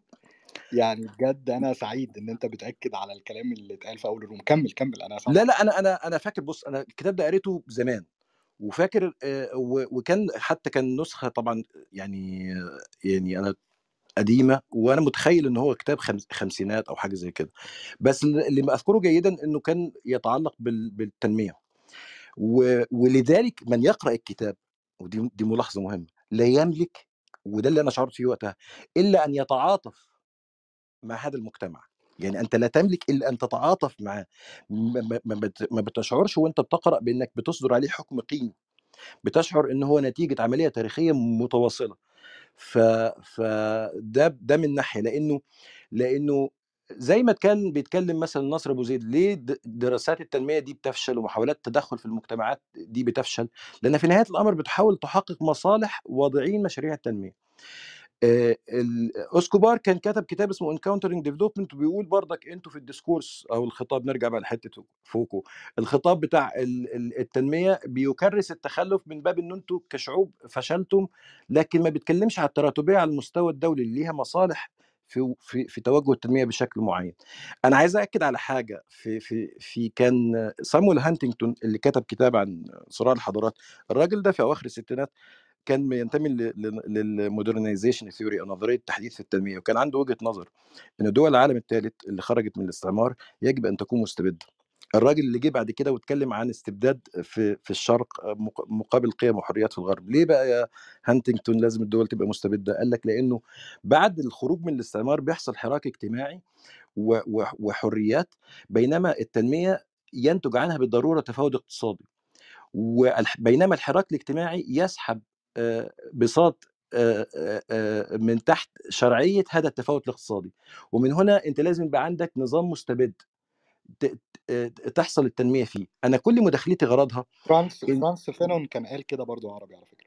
يعني فرانس اتكلم على كده اتكلم على كده في ثورة الجزائر ومعذب الأرض عربي. قال إن إن إن إن الطبقة الحاكمة اللي بعد بعد استقلال الجزائر إن هو مات سنة 61 اتكلم وقال إن إن بعد استقلال الجزائر النخبة الحاكمة هتقلد المستعمر آه آه آه بس بس سامويل هانتنجتون كان بين سامويل هانتنجتون يعني هو فانون برضك مدخل سيكولوجي يعني فانون بيتكلم عن اس- استلاب الإنسان المقهور ال- وبيحاول يقلد ال- المستعمر و لا سامويل هانتنجتون كان بينظر من خارج الصندوق بيقول لك أنتم كشعوب مش هينفع معاكم غير إن يبقى عندكم حكم مستبد لأنه التنمية هتؤدي لتفاوت اقتصادي بينما الحراك الاجتماعي الحريات اللي بتحصل بعد التحرر من الاستقلال لو عملت ديمقراطية هتشكك في شرعية هذا التفاوت الاقتصادي فكده مش هينفع تعمل تنمية. أنا كل اللي كنت عايز أقوله بس في جزئية إيه؟ إنه ال ال الك- يعني الإنسان لا أنا مش ببرر طبعا التخلف لكن لا يملك إلا يتعاطف مع هذه المجتمعات سواء كانت نتيجة آه، آه، عدم قدرتها في التحكم على الموارد نتيجة الاستعمار أو نتيجة آه، حكم استبدادي متسلط. حاجة أخيرة هل ده ينفي إنه الممارسات متخلفة؟ لا لا ينفي. هل هذا ينفي إنه كان في ممارسات تعتبر بمعايير اليوم معايير العصر آه، متخلفة وهي تنتمي لمرحلة ما قبل الاستعمار؟ لا لا ينفي لكن هي متخلفة ممارسات متخلفة بمعايير عصرنا إحنا بمعنى ان ما ينفعش إن تبقى النظرة غير تاريخية. آه، لأنه الخشية إنه البعض لأن أنا بصراحة كنت أستمع لبعض المداخلات في في مواضع أخرى ومش شرط في كلاب هاوس لما يجي يتكلموا على العالم العربي يقول لك ما أنتوا عالم متخلف أنتوا كذا كذا ويجي يقول لك مثلا يستشهد بتصورات موجودة في في الكتاب ده. بينما هو بيخرجه من سياقه. في نهاية الأمر إحنا إحنا ما إحناش عايشين منعزلين عن عن العالم ولازم الأمر يتم النظر له في سياق تاريخي متصل. وأشكرك جدا وأنا آسف جدا على الإطالة. لا أنت نورتنا صديقي عربي بجد وشكرا على على كلامك. وأتمنى إن أنت تسمع الروم من أولها من سوء حظنا إن أنت ما كنتش موجود من أول الروم. أتمنى إن أنت تسمعها في ال في replay ويهمني برضو إن أنت تبقى تقول لي رأيك فيها. شكرا عربي دكتورة صبا مايك معاكي أهلا بيكي الأول على البانل. أهلا فيكم مش دكتورة. الله يخليك. ال Clubhouse دكتور كل الوطن العربي. آه، إسلام أبدعت يعني أنا بهذا دك... الكتاب بده دكتوره لنص الناس اللي موجودة على كلاب هاوس. نص الناس اللي على كلاب هاوس بقول لهم دكتور؟ يعني أنا وأي حد دكتور بجد يعني بحاول أقول له ما أقولوش يا دكتور. يا عم كلنا على الله. إسلام أبدعت يعني أبدعت بحق وبجوز يعني قراءتي أنا للكتاب أكثر من مرة لم تتعمق في بجزء واحد لما بستمع لإنسان فعلا رائع في سرديته بيقرأ أبعاد في في صوته أو في كلماته أكثر حتى لما يقرأه وهو منفرد. فأنا ممتنة لك جدا. يعني من من عدد المرات اللي قرأت فيها الكتاب وبالاستماع لك الآن في أسئلة ملحة جدا بتضل هيك الإنسان يحاول يوجد لها إجابات. أول شيء المراوحة بين الماضي والحاضر والمستقبل ومحاولة الرجوع إلى الوراء لمعرفة متى لم تكن هذه المجتمعات مقهورة. يعني حتى نقدر نفهم ونعمل هيك reverse engineering إنه نحط إيدنا على النقطة اللي أصبح فيها وضع ال- الإنسان أو المجتمعات في هذه المنطقة تحديدا آه، آه، ضاغط وقامع إلى درجة أنه أصبح يعني يستمرئ القهر. ويتماهى مع ال- ال- ال- القاهر ويصبح مقهور ويمارس القهر أيضا على الآخرين. فهذه بجوز هيك بحاجة لناس زي عربي وحضراتكم إنه عن جد نحاول نرجع لورا ونشوف أين بدأت هندسة القهر وهل من الممكن تفكيكها. فهاي بجوز واحدة من الأشياء اللي كتير أنا يعني بتساءل عنها. الشغلة الثانية اللي هو حكى عنها عربي ما راح أستفيد فيها اللي هي آه، فقر التنمية وتنمية الفقر. كحدا بيشتغل في التنمية أرى دائما أنه فعلا كما ذكر عربي يعني إحنا بحاول نحاول نستبدل آه، قهر بقهر آخر وطبقية بطبقية أخرى. ومحاولة مأسسة القهر على أنه ال- الوضع الراهن القائم الذي لا انفكاك منه ومحاولة يعني وضع أدوات بحيث أنه تصبح ممارسة القهر هي جزء أو شكل من أشكال التنمية. هذا بنشوفه في في علاقاتنا مع كل المؤسسات الدولية ال- ال- بنوك الإقراض ما إلى هنالك. وكيف إنه إحنا بدون مساءلة أو محاسبة أو يعني challenging هال هال status quo بنحاول إن نحولها لأدوات حديثة وندعي من خلالها إنه إحنا نتفاعل مع المجتمع الدولي أو مع ال global north إذا بدك. آخر نقطة اللي هي الفرد دور الفرد في آه، إما تغيير الجماعة من الداخل أو الانفكاك عن الجماعة بهدف تغيير الذات على أمل أن الأفراد المتغيرين في يوم من الأيام يعودوا بشكل وكتلة حرجة قادرة على أنها تتحدى هذا ال- الوضع الراهن اللي إحنا فيه. في آه، ورقة بحثية رائعة جدا كتبتها آه، بروفيسورة آه، بريطانية من أصول هندية في جامعة أكسفورد كانت تحكي إنه مش كل الهجرات أو هجرات الأفراد من الدول المقموعة أو المجتمعات المقموعة والمقهورة هي ضارة. على العكس أحيانا لابد للفرد أن ينفك عن هاي ال- البيئة اللي توائمت مع القهر حتى يمتحن تحرره بشكل ذاتي. المأساة هو أنه يتماهى مع التحرر في مكان آخر بدل من محاولة العودة لا تفكيك القهر في مجتمعاته. فبالتالي ما بتتشكل بحياتها عنا آه، آه، آه، كتلات حرجة قادرة على عكس ال- الوضع الراهن. وبجوز هون السؤال إلنا كلياتنا إنه كثير ممن غادروا أوطانهم أو غادروا دوائر القمع استطاعوا أن يعني يجربوا ويتفاعلوا مع آه، أماكن فيها هيك enabling environments لل- للحريات للتعبير عن الذات. لكن السؤال هل في عودتهم آه، قدرة على التغيير من الداخل أم أنهم بمجرد أن يعودوا يع- نراهم يعودوا ليتماهوا وليمارسوا ما هربوا منه في في الدرجة الأولى. فهي مجموعة تساؤلات أكثر منها أي شيء وبتمنى هيك في يوم من الأيام إسلام بعد الكتاب يكون عن جد في غرفة منفصلة لأنه يعني عرضك أحيانا بياخذ وقت وأنا بقدر إنه هذا جهد متعب بالنسبة لك إنه يصير في محاولة للقراءة أو للمواءمة ما بين ما جاء في هذه الكتب وكيف يتم ممارستها من أجل تغيير الواقع اللي إحنا عايشين فيه. حتى لو يعني اجتهادات فردية في محاولة التفكير الجمعي أو ال brainstorming لحتى نشوف إنه هل في أمل ولا خلص هذا الوضع الراهن لا يمكن الانفكاك منه. برجع بشكرك جدا أنا فعلا ممتنة لك شكرا جدا إسلام.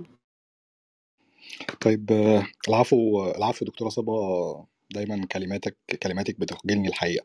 إيه، أنا بس قبل ما مش عارف إذا كان نو أحمد هيقفلوا الروم ولا لأ أو حد هيطلع ولا لأ عندي بس تعليق أخير على على الكتاب. آه، ودي قناعتي أنا الشخصية سواء في في الكتاب ده أو في كل من كتب فيما له علاقة بالاستعمار والتخلف والتقدم. أنا شايف من وجهة نظري إن المتواضع طبعا إن كل عصر بيبقى ليه زي أساطير من أساطير العصر الحديث فكرة التقدم. ومش المقصود هنا إن إن في شعوب متقدمة وفي شعوب أكثر تقدما لأ. المقصود بإن التاريخ الإنساني تاريخ متصل كده من الأسوأ للأفضل باستمرار. إن إحنا بنرتقي بشكل طبيعي بدرجات سلم كده كل درجة أعلى وأفضل من الدرجة اللي قبلها. الحاضر لا يمكن يكون أحسن من الماضي والمستقبل بالقطع أحسن من الحاضر والماضي. الكلام ده أنا شايف إن هو خرافة. الكلام ده مش حقيقي. الكلام ده حتى لو افترضنا إن في جزء من الصحة فالتقدم ما بيبقاش بوجه عام. مفيش شعوب متقدمة في كل الأوجه. مفيش شعوب بتلاقوها متقدمة على كل الأصعدة. لأ في رأيي إن التقدم عملية متغيرة باستمرار. فيها تحسن وفيها تدهور مش متحسنة باستمرار. والحاجة التانية إن مفيش نمط حياة من المفروض إن إحنا كلنا نحاول الوصول إليه. نمط الحياة الأمريكية غير نمط الحياة الأوروبية غير نمط الحياة الآسيوية غير نمط الحياة الشرق أوسطية. فكرة التقدم المزعوم على كل مناحي الحياة وإن الدولة المتقدمة هي بطبيعة الحال متقدمة في كل المجالات وإن الدولة المتخلفة بطبيعة الحال هي متأخرة في كل المجالات الكلام ده غير صحيح. ولو إن بتمارس علينا آلة إعلامية شديدة جدا جدا بشكل مباشر أو غير مباشر عشان نقتنع بده. بيترجم ده حتى في تعاملاتنا مع أطفالنا مع اللي أصغر مننا. بقى دلوقتي السائد إن الأصغر في السن هو اللي بيفهم أكتر هو اللي متعلم أحسن هو اللي عنده ذوق فني وأدبي أشمل. في حين إن القديم دائما قبيح. القديم دائما بيهمل وبيعامل معاملة كبار السن العجزة حتى في الفنون والأدب. خلي بالكوا لما بقينا بنسمع دلوقتي شاعر مثلا بيعجبنا أو أغنية بتعجبنا بقينا بنقول إن هي لو سمعناها من من من الوقت ال- الماضي بقينا بنقول بصوا ده عصرية مثلا بدرجة مدهشة. أو نقول إن الفترة دي في الفن والأدب كانت سابقة لعصرها. كل المصطلحات دي بتدينا بشكل غير مباشر مسلمة إن الغد دائما أفضل من اليوم وإن اليوم بالضرورة هو أفضل من الأمس. الكلام ده مش صحيح. ال... وعلى فكرة وده آه، ده الغريب اللي ناس كتير ما تعرفوش الكلام ده كمان جديد. يعني إيه جديد؟ فكرة التقدم مثلا عند اليونانيين القدماء ما كانتش كده. كانت أكثر ميلا إلى آه، إن بيتم النظر للتاريخ على إن هو دورات من الصعود والهبوط. ما كانتش سلالم وخط صاعد دائما إلى أعلى. اليونانيين ما كانش بيقول كده. حتى الفكر المسيحي في أوروبا الوسطى ما كانش برضه بيقول كده. بالعكس كان بيقول إنه بيعاني من مسيرة انحطاط مستمر ثم تأتي بعديه قفزات نوعية. ابن خلدون أفتكر كان بيتكلم في القرن ال 14 الميلادي إن فكرة التطور بتاعت المجتمعات دي هي على شكل تطور دائري. لو تفتكروا ال- المراحل الخمسة من مراحل الدول عند ابن خلدون إنها بتبدأ بقوة وتصعد وتستمر ثم تنزل ثم تموت ثم تبدأ مرة أخرى. التطور الدائري بتاع بتاع ابن خلدون. الكلام ده إحنا بنتكلم عليه الكلام بتاع حتمية التطور التاريخية ده كلام جديد. كلام بقاله ممكن 100 سنة مش أكتر من كده. بعد نزوح الاستعمار وبعد انتهاء الحرب العالمية الثانية وبعد ما الآلة الرأسمالية الأوروبية بدأت تتحكم في مصائر بقية الدول آه، في العالم فأنا بقول كده ليه؟ مش معنى زي ما قال عربي مش معنى إن هناك قصور إن يتم التنصل لكل ما هو لكل ما هو قديم ولكل ما هو تراثي ومش معنى إن في تقدم في مجال ما إن ده معناه إن يجب التشبه أو التماهي مع المتقدمين دول في كل الأوجه الأخرى أو حتى في نفس المجال ده. لأن إحنا قلنا هنا إن العامل النفسي مهم والبيئي والاجتماعي مهم. فلو لو إحنا فاكرين إن مجرد إن إحنا نعمل copy paste التجربة ناجحة في ثقافة تانية في مكان تاني في زمان تاني ده هيضمن لنا آه، نفس النتائج فإحنا واهمين.